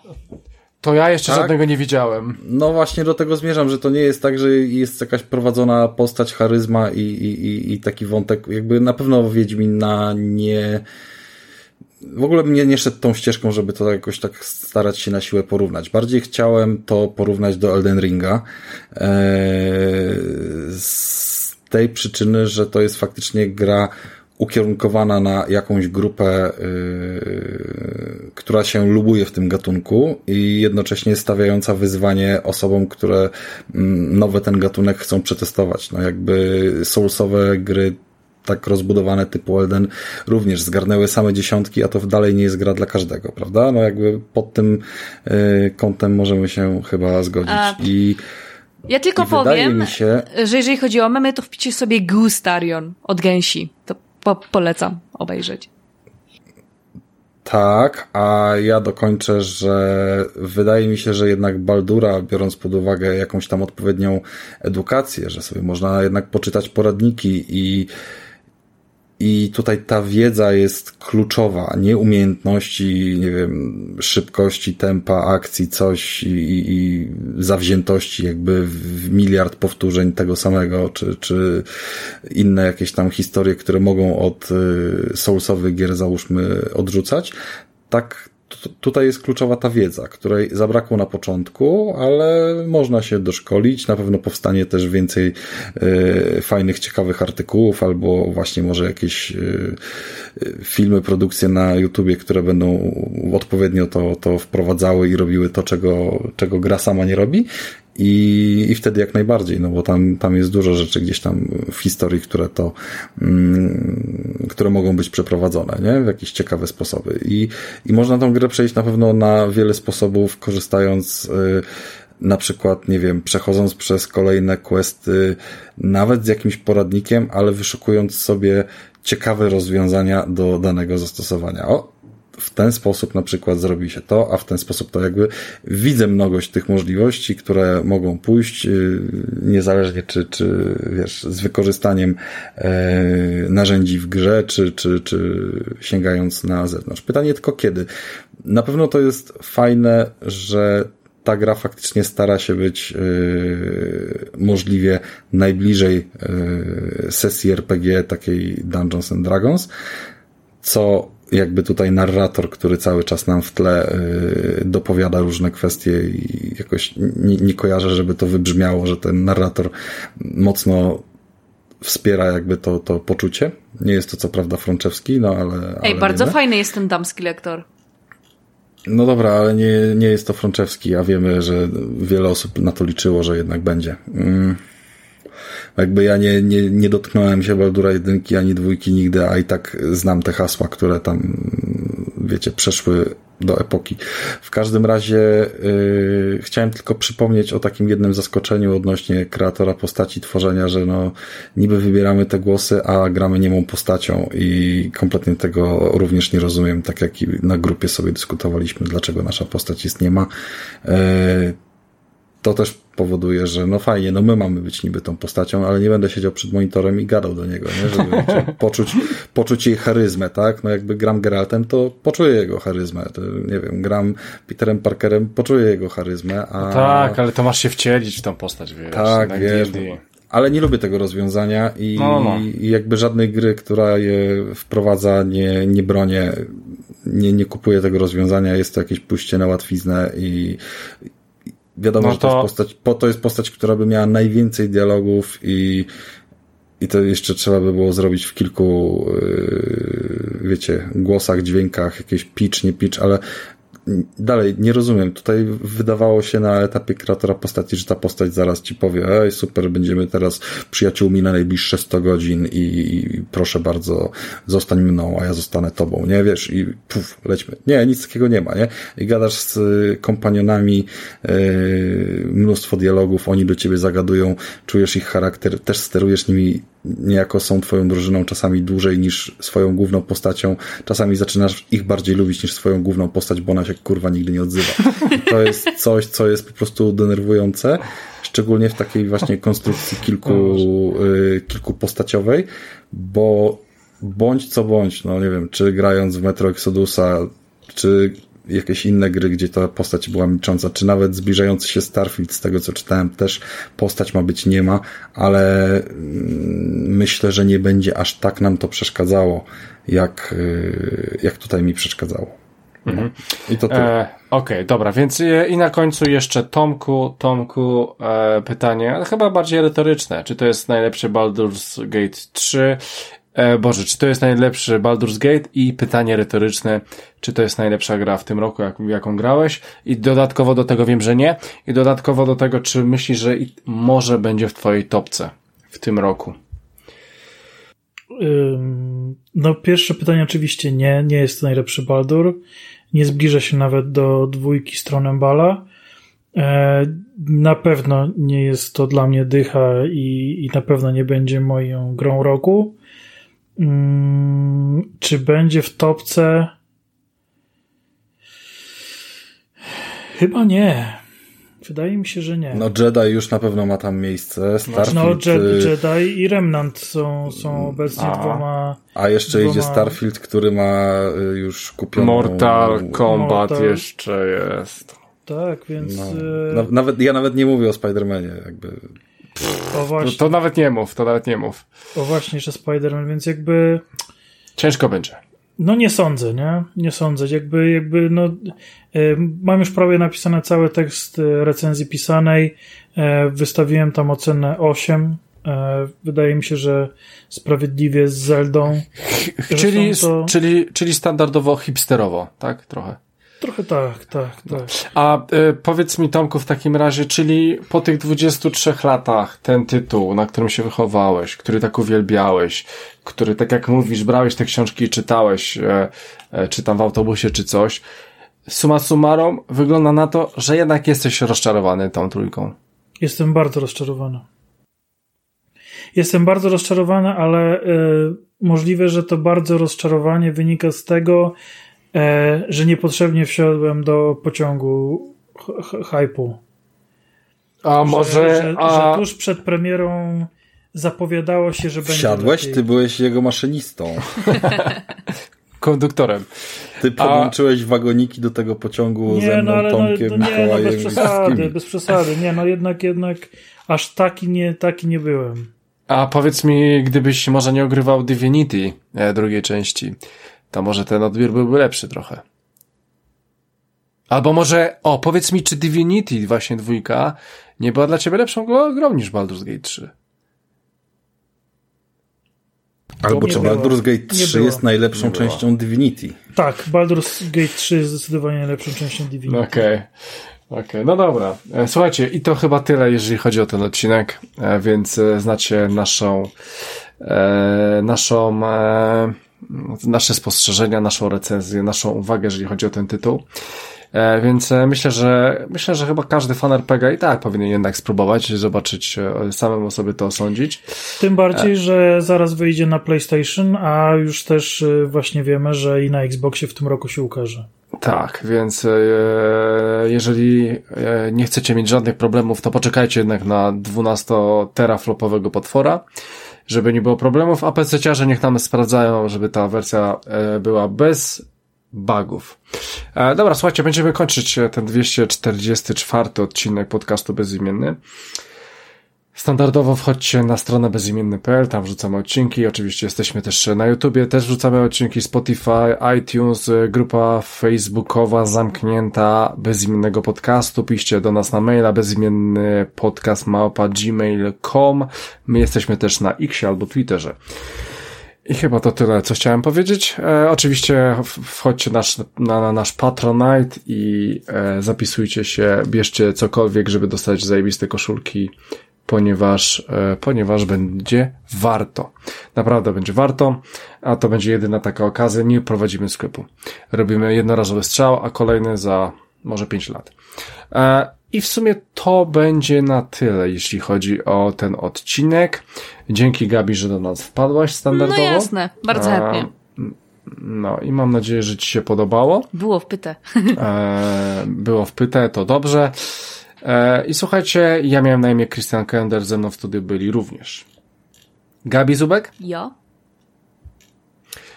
Rafał Radomyski. Ja. E, I był z nami towarzysz Wasiewicz. I obyłem, ja też. Ja też. E, my standardowo słyszymy się za dwa tygodnie. Mikołaj powinien wrócić z wakacji, więc do usłyszenia drodzy słuchacze, trzymajcie się. Hej. Ciao.